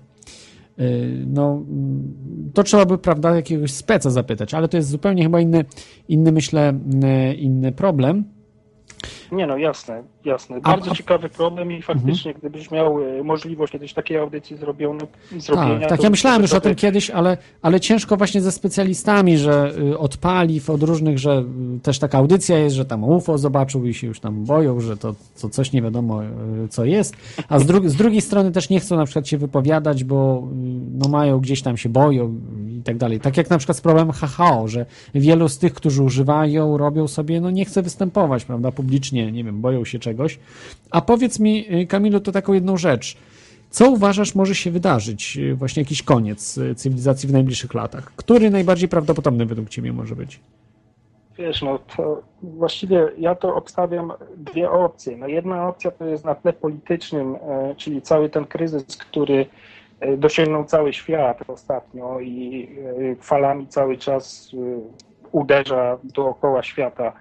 E, On może spowodować pewnego rodzaju rozruchy, no nawet zbrojne. No, ludzie mogą nawet wyjść na ulicę, ponieważ już nie będą mieli, e, prawda, co jeść, za co kupić to jedzenie i tak dalej, więc to może być w pewnym sensie katastrofa i to myślę, że to jest najbliższa rzecz, która może się wydarzyć, bo faktycznie no, ile można, kurczę, mm, ile, ile można wytrzymać w momencie, kiedy ceny ciągle rosną i nie ma pracy, każdy oszczędza jak może i, i co tutaj właściwie robić, co do garnka włożyć. A druga opcja to jest no, coś niespodziewanego, no, typowo taka rzecz, jak coś przyleci z kosmosu i u nas uderzy, no, o tym, o czym już mówiłeś tutaj. No. Także właściwie ja widzę takie dwie opcje. Mhm. Czyli uważasz, że jednak globalne ocieplenie nam nie grozi, że O nie, wygotujemy nie, się ja jak, myślę, jak Ja Wenus. myślę, że to, to jest bzdura. Myślę, że to jest bzdura. Wenus będzie tu niedługo już. Za 100 lat. Tak się ociepli po prostu, że będzie 400 stopni na powierzchni Ziemi. Nie, nie, nie, to jest To nie, głupota wielka i e, nie wiem, to chyba nawet... No to twoich 50 audycjach- stopni będzie Albo może w, w Mapeta audycjach było przecież wspomniane o tym, albo może nawet gdzieś czytałem, że jak popatrzymy w historię, się cofniemy wstecz o te kilkaset lat, y, od momentu, kiedy ludzie zaczęli właściwie mierzyć i spisywać wszystkie informacje dotyczące mm, temperatury, jaka kiedykolwiek gdzieś na Ziemi występowała, to patrzy na te wykresy, chyba ja, bo widziałem te wykresy, to widać, że jest to zjawisko falowe, czyli jest tak, że jest tam powiedzmy co kilkadziesiąt lat albo co kilkaset lat po prostu jest ocieplenie, potem z powrotem się robi chłodniej i znowu jest ocieplenie, więc może po prostu jesteśmy w takim piku ocieplenia i za jakiś czas z powrotem zacznie to wracać. Ja, ja nie wierzę w tą teorię globalnego Mhm. To znaczy, że się ociepla, to chyba się jednak ociepla, bo wiem, że tam wyniki są, że się ociepla, tylko kwestią to jest, prawda, człowiek, jaki ma wpływ na to wszystko, a jakie mają warunki zewnętrzne, naturalne. Też. No wiesz, ale jak popatrzysz też na historię, to kiedyś, jak byliśmy, powiedzmy, człowiek był prehistoryczny, w czasach prehistorycznych, w momencie, kiedy pożar powstał, prawda, i ten pożar powiedzmy szalał i powiedzmy ogarnął takie terytorium jak cała Polska, to teraz porównaj sobie, jeżeli by się spaliła cała Polska, ile tego dwutlenku węgla zostało wygenerowane albo innych tych wszystkich substancji mm, do, y, do atmosfery, tego ile my produkujemy rocznie jeżdżąc samochodami, więc y, takie, myślę, że takie argumenty, jeżeli powiedzmy politycy y, dają, że no, jeżdżenie samochodem generuje tak dużo tego dwutlenku węgla, czy spalamy w fabrykach i tak dalej, a jak popatrzymy na to, co się działo kiedyś i że faktycznie no, były pożary, no bo nikt tego nie kontrolował. Teraz staramy się kontrolować, żeby pożarów nie było. Jeżeli jest pożar, od razu przyjeżdża straż pożarna i stara się to zgasić, a kiedyś jak ten pożar szedł, to on szedł i szedł, prawda? Więc ja myślę, że można to w ten sposób porównać i w jakiś sposób to zrównoważyć i że to, to, to nie tędy droga i to nie jest problem to nie jest problem. Mhm. Dobrze. Y, dziękuję Ci za telefon. Wielkie mhm. dzięki również. Dzięki. E, czyli mm, e, to był Kamil. E, jak mogliście słyszeć, e, e, uważa, że peak oil to niekoniecznie jest prawda, czyli może po prostu ropa być cały czas produkowana. Ale to jest zupełnie inny temat, e, ten peak oil. Może nie do końca zupełnie, ale po części zupełnie inny temat. E, natomiast e, globalne ocieplenie to już jest ten temat, bo załóżmy, dobrze, no, większość z Was uważa, że tego nie ma. Czy też globalnego ocieplenia, czy też globalnego ocieplenia spowodowanego e, przez człowieka. Ale większość naukowców, 90 parę procent naukowców na świecie uważa, że jednak jest. Ostatnio czytałem listopadowy świat nauki, Scientific American, i co było napisane? Że jednak jest globalne ocieplenie spowodowane przez człowieka. A to jest jedno z najbardziej wpływowych naukowych czasopism na świecie. Czyli mam wierzyć wam, którzy wyznajecie spiski, czy naukowcom, którzy twierdzą, że nie ma, że właśnie, że to globalne ocieplenie jest. I to jeszcze spowodowane przez człowieka. Ale okej, okay, już tak mówiąc na serio. Powiedzmy, że jest. Załóżmy. I o ile może właśnie to doprowadzić do jakiegoś, jakiejś katastrofy. Bo na pewno nie trzeba doprowadzać prawda, do temperatury Wenus, aby była ta katastrofa. Wystarczy mm, zwiększyć mocno temperaturę na Ziemi i być może zaczną występować y, zwiększone ilości tsunami, huraganów, jakichś różnych zjawisk, które są bardzo niekorzystne dla naszej cywilizacji. Jeżeli będzie zbyt dużo takich zjawisk, które będą niszczyły całe miasto. Zobaczcie, jeden huragan zwykły i, i całe miasto zostało zmiecione z powierzchni ziemi, właśnie Nowy Orlan y, kilka y, lat temu. Całe miasto zostało zniszczone y, pod wpływem właśnie jednego huraganu. No, dosyć mocnego. I jeżeli te zjawiska będą częstsze i większe, to naprawdę może być duży problem dla y, całej planety i naszej cywilizacji. Już abstrahując od tego, czy to jest prawdą, czy nie, globalne ocieplenie. Też przydałoby się odcinek i też obiecuję, że taki odcinek się pojawi o globalnym ociepleniu. Y, myślę, że też z jakimś specjalistą. Y, też jest trochę takich, którzy są na tak, niektórzy są na nie.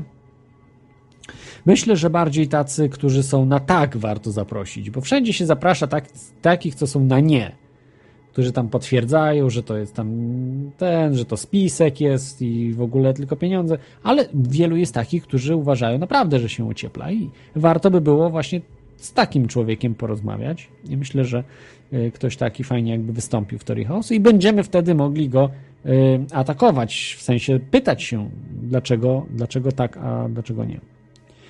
Y, dobrze, mamy kolejny telefon, jest Tomek Mapet z nami.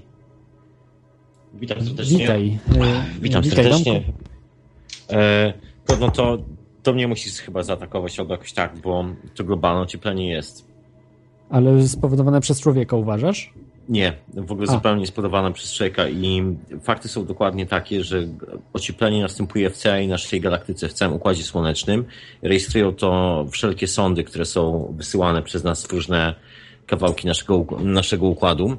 Rejestrują to na przykład obserwatoria astronomiczne, które robią zdjęcia w takich w różnych, jakby w całym spektrum promieniowania, czyli tam, wiesz, część promieniowania, która odpowiada za na przykład temperaturę, za, za to, jak, jak wysoka jest temperatura dookoła planety.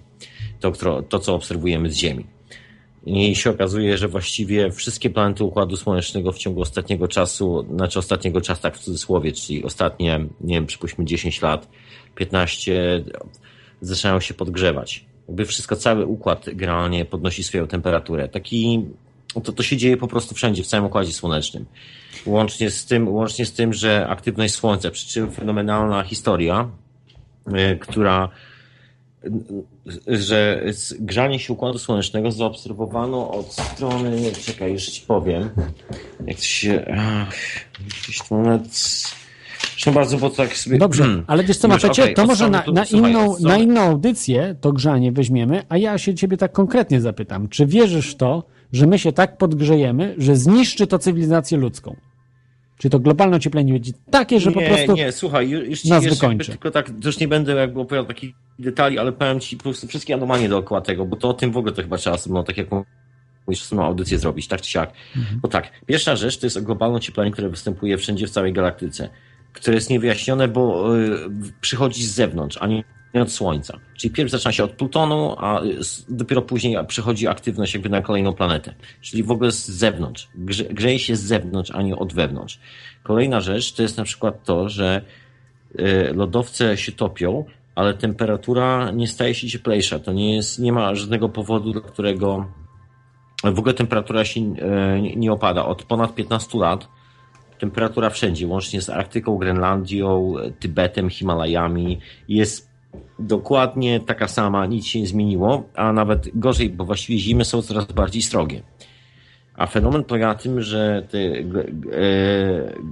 glecjery, czyli właściwie te lodowce, tak? E, lodowce się topią. I topią się w troszeczkę szybszym tempie niż, niż powinny. Pomimo, że tak, temperatura jest jeszcze bardziej zimna niż było. Co jest tyle anomalii, że ciężko to wyjaśnić i nic, e, i jeżeli ktoś teraz wychodzi i mówi, słuchajcie, to wszystko się dzieje z tego powodu, że ludzie wybudowali więcej fabryk, to jest bzdura, bo kolejna rzecz to jest porównano ilość CO2, która była wypuszczana do atmosfery 100 lat temu, czy nawet jeszcze 60 lat temu, wszystkie wojny, wszystkie, przecież to było potężne skażenie środowiska, nam się, nam się po prostu w pale to nie mieści.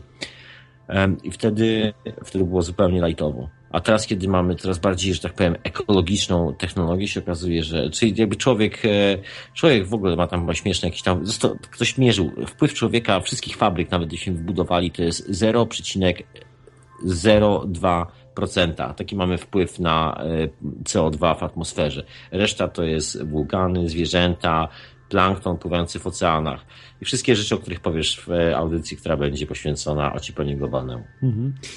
Okej, okay, no to to powiedz, co może wykończyć cywilizację ludzką? Co uważasz mogłoby być takie, które. coś takiego, co nas po prostu może w jednej chwili zmieść? Myślę, że nic takiego się nigdy nie dzieje i nigdy nas nie zmiata w jednej chwili wszystkich. Zmiata część co najwyżej. No, może dzieją się takie rzeczy. Ale dinozaury zmiotła jednak planetoidę. Właśnie nie wiadomo, co zmiotło, bo planetoida to jest tam jedna teoria, a teraz są znajdowane z powodu tego, że są takie fantastyczne zdjęcia satelity, jest e, komercyjne satelity staniały, można sobie tanio zdjęcia zamówić, nawet swojego własnego miasta satelity. Tanio jest generalnie. Się ten, postępy do przodu. No i się okazuje, że są, że są te duże wulkany, pozostałości po gigantycznych wulkanach i to nie jest, i zachowanie wygląda tak, że właściwie wszystko było ok, tylko walnął jakiś duży wulkan i była taka chmura troszeczkę jak... Ale właśnie, czy on nie był spowodowany taką planetoidą, że planetoida uderzyła i dopiero później ten wulkan wyskoczył, bo taka energia po prostu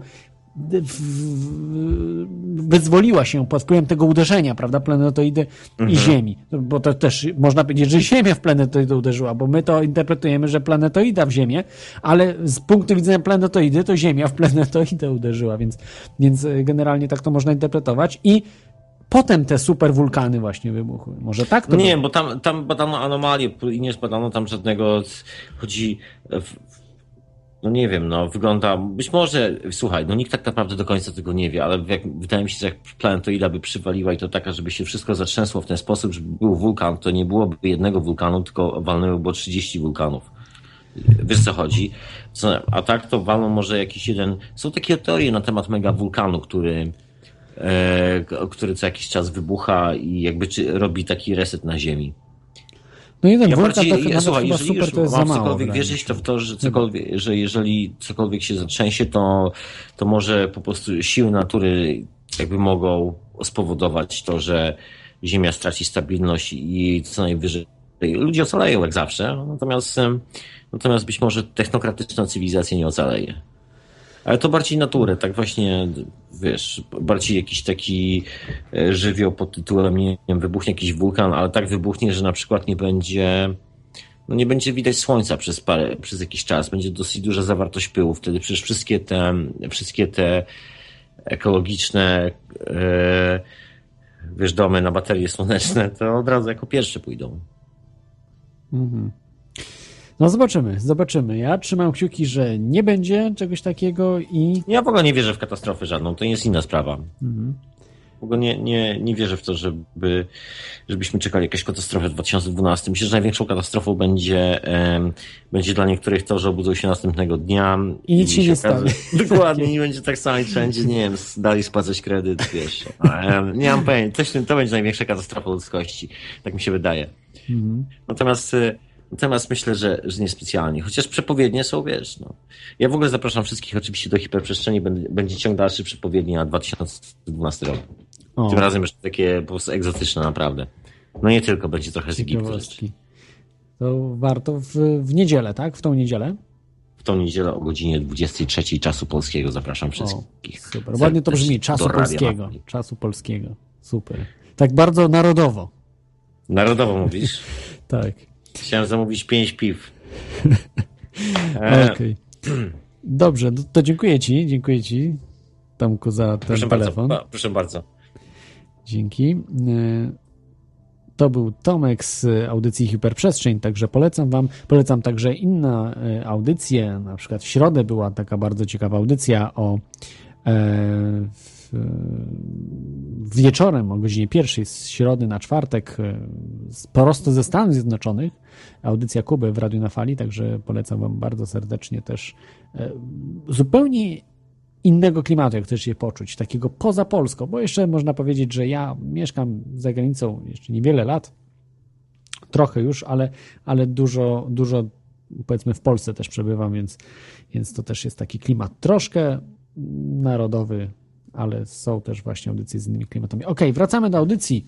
E, Teoria chaosu, to jest Teoria chaosu oczywiście, możecie dzwonić radionafali.com albo telefon 22 y, 398 82 26 i wewnętrzny 321. Y, Kolejne rzeczy, które są zależne od człowieka, to jest skażenie, zaśmiecanie środowiska, o czym już też wspominał właśnie mm, stały słuchacz o, o większości tych rzeczy, które dzisiaj omawiam. Y, Wystarczy zobaczyć e, planned obsolescence, czyli planowana nieprzydatność. To wszystko powoduje to, że y, góry śmieci rosną w zastraszającym tempie. Y, Wszystko jest wyrzucane, nie opłaca się reparować rzeczy. No nie jest to normalna sytuacja. Niektórzy powiedzą, że normalna, bo bez tego to kapitalizm by upadł, czy no nie wiem, no ten system nasz by upadł, bo trzeba produkować coraz więcej, coraz więcej tych samych rzeczy, prawda? No, nie wystarczy to, co mamy, tylko musimy mieć coraz lepsze, coraz nowsze, coraz więcej. No i to doprowadza do tego, że, że po prostu skażenie rośnie, bo wyprodukowanie tych rzeczy coraz bardziej skaża środowisko. O tym też się nie mówi zupełnie. I to jest przestępstwo. To, co się robi, planned obsolescence to jest po prostu działalność przestępcza. To, że dzisiaj jest to usankcjonowane jako coś normalnego, to jest porównywalne z niewolnictwem. Niewolnictwo kiedyś też było uznawane za coś normalnego. Ale czy normalnym jest niewolnictwo? Nie. Tak samo bicie żony nie jest normalne, czy męża. I y, tak samo nie jest normalną sprawą, żeby po prostu pogarszać jakoś rzeczy specjalnie. Pogarszać jakoś rzeczy, żeby sprzedać coraz to nowe, nowe, lepsze, nie psujące się, znaczy też się psujące, ale, ale, ale tam to się co, coś popsuje. No musimy, musimy mieć coś działającego, tak? Lodówkę, różne inne rzeczy. Okej. Zostawmy ten temat. W każdym razie widać, czy jest nawet ten plen obsolescence, czy nie ma. To i tak te śmieci rosną, góry śmieci. I może się okazać właśnie, że niedługo no, tych śmieci będzie aż tyle, że y, po, będzie powodowało to zagrożenie dla życia naszego. Bo że dla przyrody ogólnie powoduje to wielkie zagrożenie, to już widać. Tu nie trzeba naprawdę badań robić. Natomiast jeszcze jako tako jest wolnych przestrzeni sporo. I skażenie. No, skażenie też jest olbrzymie coraz bardziej. Yy. No ale, ale to mówię, to zostawmy, to jest kolejna sprawa, która może zagrażać, niekoniecznie musi. Yy, I oczywiście inna katastrofa ogólnoświatowa spowodowana przez człowieka, jak na przykład właśnie mm, no, można porównać to z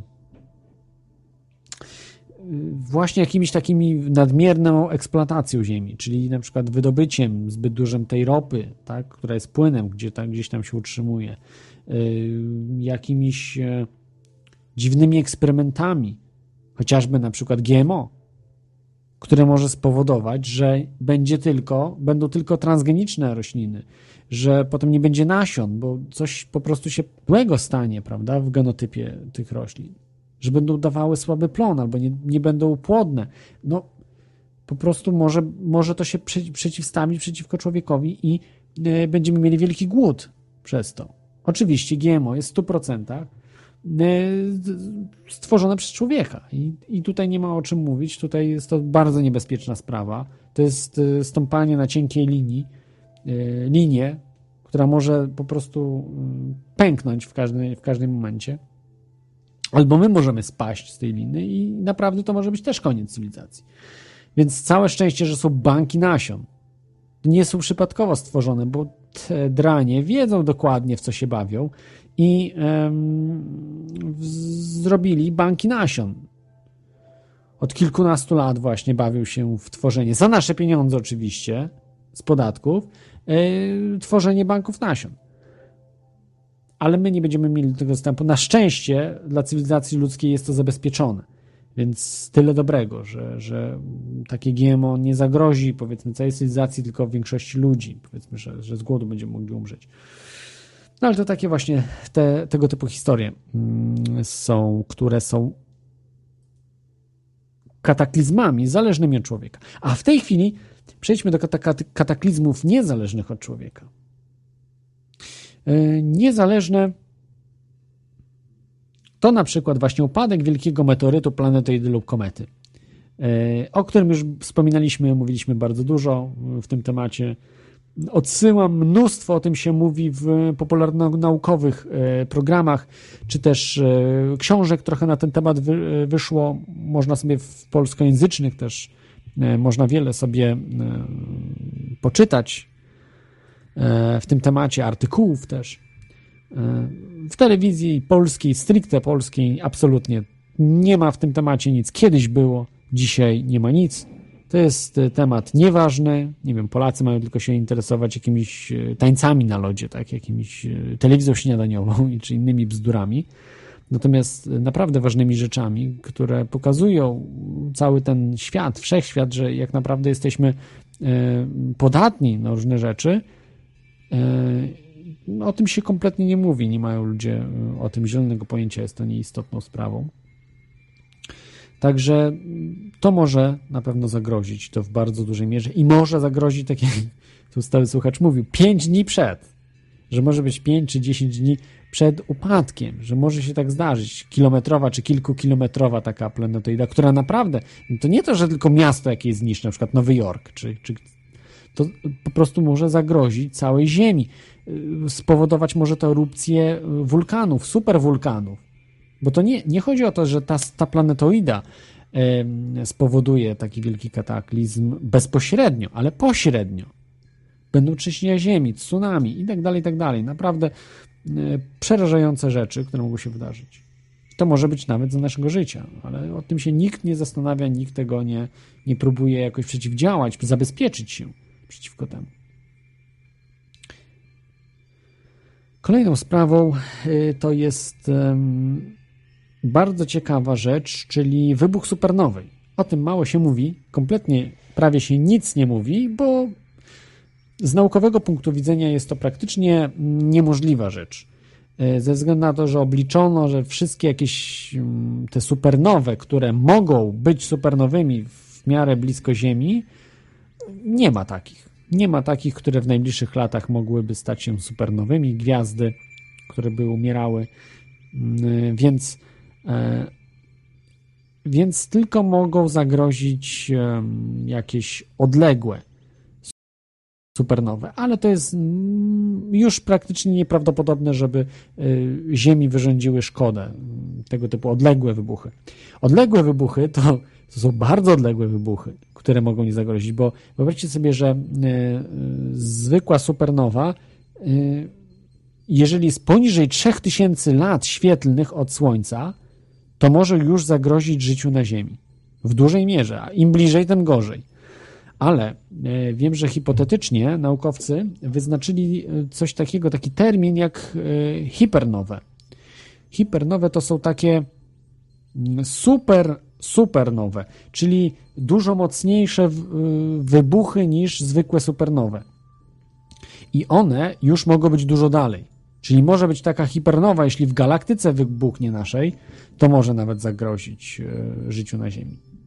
E, Tylko, że chyba nie obserwuje się czegoś takiego, żeby jakaś gwiazda mm, w takim, weszła w taki stan właśnie hipernowy, więc w naszej galaktyce. Oczywiście w jakichś innych galaktykach się widzi supernowe, chyba też, czy, mm, czy w naszej galaktyce też bywają, ale nic w, w obrębie, w promieniu 3000 lat świetlnych nie ma y, i nie ma też zagrożenia właśnie od hipernowej, czyli to możemy skreślić, ale jest, jest taka opcja, że może mm, to się stać kiedyś. I wtedy, mm, no. Kto wie, kto wie, co się będzie działo. Przy dzisiejszej stanie mm, nauki i techniki nie jesteśmy w stanie przeciwdziałać kompletnie temu. Absolutnie nie, nie, nie będziemy potrafili, jeżeli coś takiego się stanie, to wyginiemy wtedy. Być może w całości jako cywilizacja, a może prze, przeżyje część ludzi. E, Kolejną sprawą jest e, nieznana nadaktywność słoneczna, powodująca na przykład takie wybuchy wulkanów, superwulkanów, tsunami, jakieś trzęsienia ziemi olbrzymie, jakieś zapadanie się ziemi, jakieś, e, no co tam jeszcze można, huragany, no nie wiem, co można wymyśleć, no wszystko, wszystko, co się dzieje. Wystarczy obejrzyjcie sobie film 2012 no, absurdalny film trochę, ale powiedzmy jakaś tam super, super, super ak- nadaktywność słoneczna, która powoduje e, tego typu wydarzenia. No na razie mamy 2012 rok. Nic takiego się nie wydarza, e, co było na filmie w 2012 roku. Ale może 21 grudnia się to zacznie i będą tego typu wydarzenia. Kto wie? Kto wie, bo nie jesteśmy tego mm, pewni. Mm. Ale jest coś gorszego niż ta nieznana y, nadaktywność słoneczna, która może spowodować przebiegunowanie Ziemi nagłe, zatrzyma się Ziemia, prawda? Dzień, w którym się zatrzymuje Ziemia, oceany się wylewają i tak dalej. No, no, no, no to okej, science fiction zostawmy. Ale jest znana i przewidywalna aktywność słoneczna. I ta aktywność słoneczna jest zbadana naukowo i ona jest faktem. Co ona może spowodować? Yy, oczywiście nie takie rzeczy jak w filmie 2012, yy, 2012, ale może spowodować wielkie problemy w sieci elektroenergetycznej yy, na całym świecie. Może spowodować brak prądu przez wiele miesięcy, a nawet lat. I myślicie, że to jest żart? O tym mówiłem w ostatnim odcinku Teorii Chaosu, ale nie jest to żart. Naprawdę może do tego dojść i myślę, że dojdzie w wielu miejscach w 2013 roku do tego. I to nie jest, e, mm, nie rzucam oczywiście słów na wiatr, to są naprawdę duże możliwości, e, że coś takiego będzie. Że coś takiego będzie właśnie. Ta nadaktywność słoneczna, ale przewidziana przez naukę. Ta, którą mogliście obserwować w 1989 roku. E, Było w stanie Quebec, New Jersey i miejscowo Wielkiej Brytanii doszło właśnie do problemów z prądem. Był blackout, czyli brak prądu przez dłuższy czas. No, dłuższy czas to chyba tam ileś dni było do tygodnia. Yy, Później miało to miejsce w 2003 roku. w, właśnie w stanie Quebec, w Kanadzie też spore, też w Stany Zjednoczone w tym też miały problemy z dostawą, dostawą energii i częściowo też w Szwecji. Można powiedzieć, był taki jeden, jedna duża burza, która została już udokumentowana i naprawdę mnóstwo sieci wysiadło wtedy. Z 14 na 15 maja 1921 roku wystąpiła burza słoneczna, która y, dziś zniszczyłaby mnóstwo systemów elektroenergetycznych. Wtedy zniszczyła trochę, bo te systemy były bardziej toporne i rzadsze. Y, wtedy, nie muszę wam mówić, chyba że w Polsce prąd w 21 roku to mieli tylko mm, ludzie z pokaźnym portfelem i fabryki jakieś takie też, nie wszystkie, które były lepsze, bo generalnie były na silniki parowe nawet y, przecież różne fabryki, na silniki spalinowe. Y, prąd to naprawdę jeszcze w 21 roku to był luksus. To może się wydawać, może w Stanach Zjednoczonych, tak, to tego prądu to była stolica, można powiedzieć, y, światowe centrum, jeśli chodzi o wytwarzanie prądu elektrycznego, ale, ale tutaj w Polsce jednak to był naprawdę wielki luksus. 1921 roku prąd. E, od 1850 roku e, mieliśmy około 100 silnych burz elektromagnetycznych, e, z których dwie bardzo silne były w ostatnich 25-leciu. I właśnie teraz, w 2012-2013, ma być kolejna, bardzo potężna. Przewiduje się jedna, może nie jedna, ale mają być bardzo y, potężne burze, które mogą właśnie spowodować brak dostawy prądu do waszych mieszkań. To nie tylko w Stanach Zjednoczonych czy gdzieś, to może też dotyczyć Polski. Ile przeżyjecie bez prądu? Powiedzcie. Tak szczerze powiedzcie. Ile bez prądu byście przeżyli? Dzień? Tydzień? Miesiąc? Pół roku? Rok? Wyobraźcie sobie rok bez prądu nie będziecie mogli użyć lodówki, pralki, komputera. Nie będzie można nadawać na przykład radia, programu radiowego. Internetu nie będzie, nie będzie niczego. No, będzie można, zgodzę się, zapalić fajkę, papierosa, może coś innego jeszcze. Będzie można się napić. Będzie można zjeść ale nie będzie można przechowywać łatwo, tak jak mówiłem, w lodówce różnej żywności. Nie będzie można łatwo wysuszyć włosów suszarką. To dla dziewczyn będzie duży problem. Szczególnie w zimie na przykład, prawda? Trzeba iść do pracy, ale trzeba umyć włosy, a, a nie można zastosować suszarki, bo nie ma prądu. Nie ma światła. No, czytać przy świecach, przy lampie naftowej. Powrót do XIX wieku. I to może czekać, i to może czekać naprawdę wielu, wielu ludzi. E, wspominałem też we wcześniejszym odcinku o tym, e, że mm, są takie urządzenia, one są zwane transformatorami, transformatorami EHV, EHV. To jest chyba Electric High Voltage chyba tak to jest skrót od tego, które ważą do 300 ton, kosztują każdy z, y, pojedynczo ponad milion dolarów. E, dzisiaj, dzisiaj na taki transformator, w każdym kraju jest ileś takich y, transformatorów. Dzisiaj trzeba czekać 3 lata, aby taki transformator kupić. No, między innymi właśnie przez Chiny, Indie, które e, tego typu transformatory e, zaczęły kupować mocno, bo się te kraje bardzo rozwijają. Wcześniej wystarczyło rok na zamówienie tego typu urządzeń. Y, globalne, można powiedzieć, zdolności produkcyjne wynoszą w normalnych warunkach około 100 transformatorów, właśnie tych EHV rocznie. Y, jeśli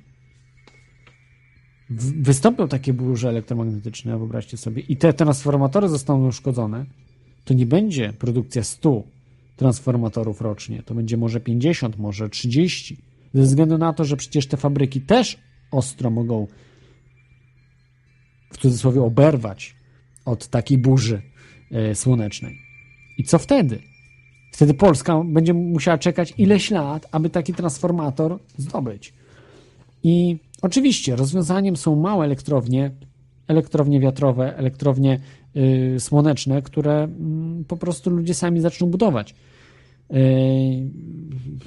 może mięśniowe, to też jakieś pomysły takie różne mieli, y, żeby na przykład na siłowniach montować, prawda, w rowerkach czy gdzieś w różnych urządzeniach gdzie tam ludzie ćwiczą, to od razu, od razu po prostu, żeby był wytwarzany przy tym prąd i być może do takich pomysłów się powróci, bo nie będzie po prostu wyjścia.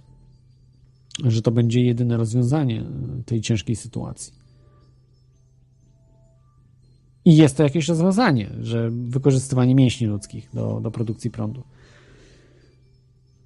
Przy braku po prostu mm, możliwości produkcyjnych.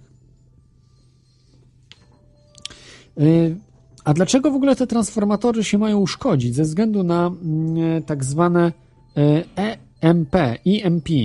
To są Electric Magnetic Pulse, czyli impulsy elektromagnetyczne, które właśnie ze Słońca spowodują przy długich liniach powodują powstawanie olbrzymich prądów, które przepalą, a nawet mogą nie tylko kabel mogą przepalić,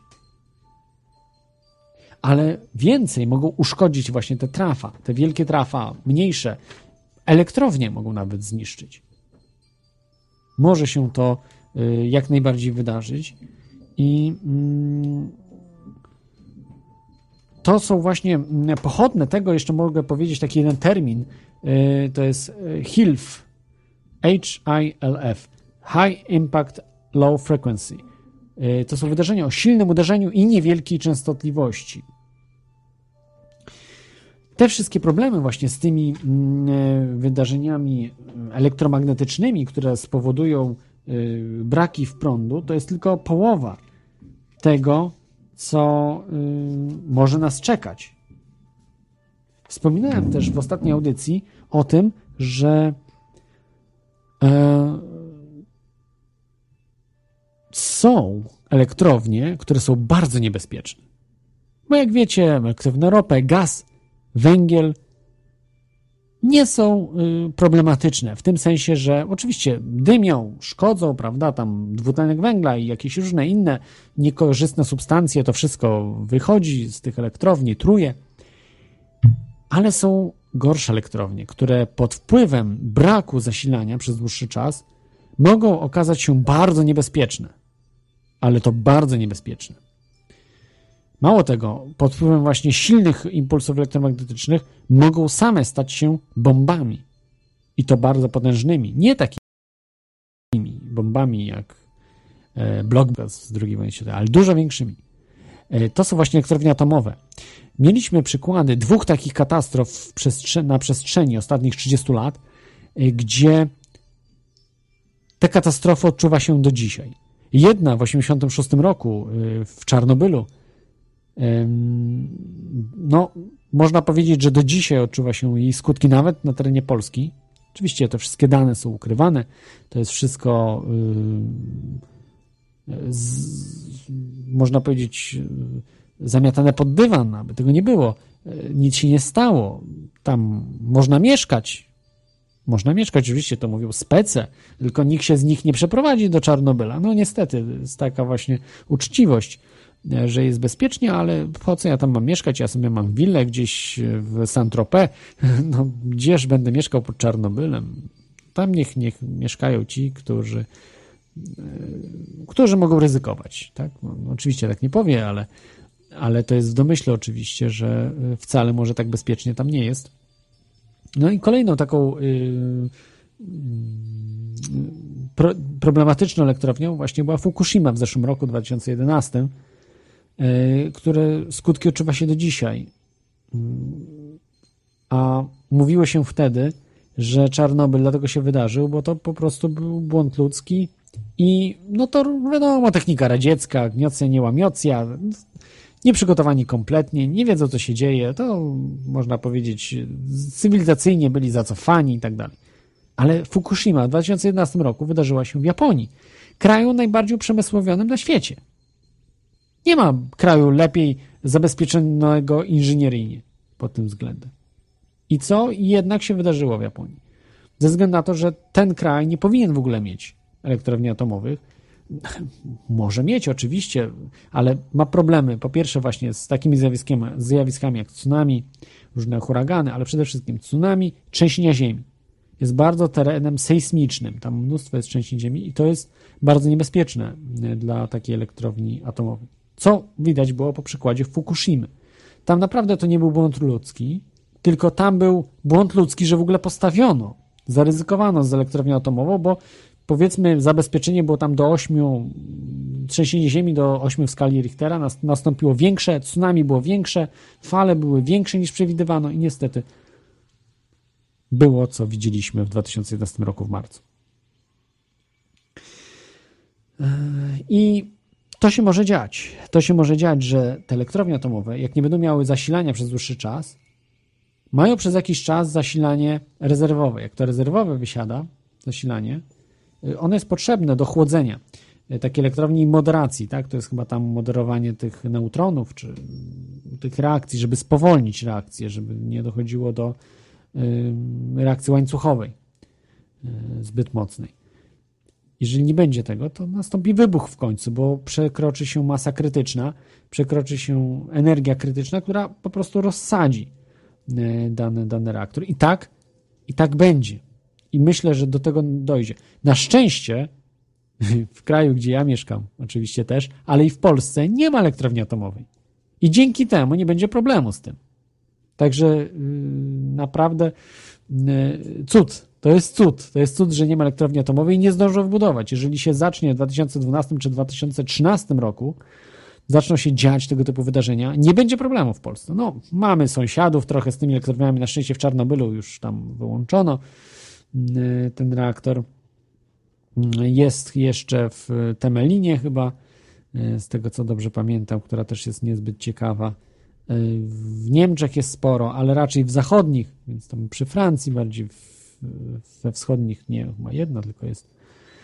Także na Litwie chyba jedna. No w każdym razie dookoła jest w miarę czysto Polski. Jest naprawdę, mamy pas taki zabezpieczający i powinniśmy się z tego cieszyć. Jeżeli cieszyć się z czegoś smutku, no cieszyć się z tego, że jesteśmy mądrzejsi w pewnym sensie.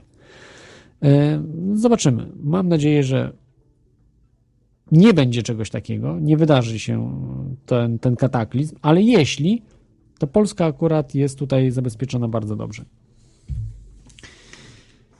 Dlatego dlatego sobie tak myślę, że w czymś jesteśmy dobrzy. Przypadkiem. Nie wiem, może to jest przypadek, że dlatego nie ma elektrowni atomowej w Polsce no, nie tylko przypadek, bo był duży, duże były protesty w latach, pod koniec lat 80.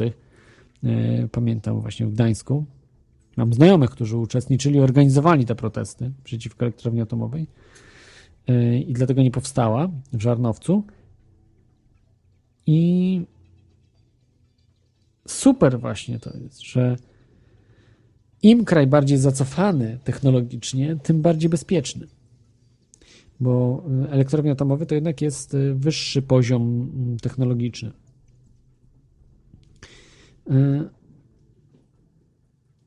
Y, I co można powiedzieć jeszcze na koniec?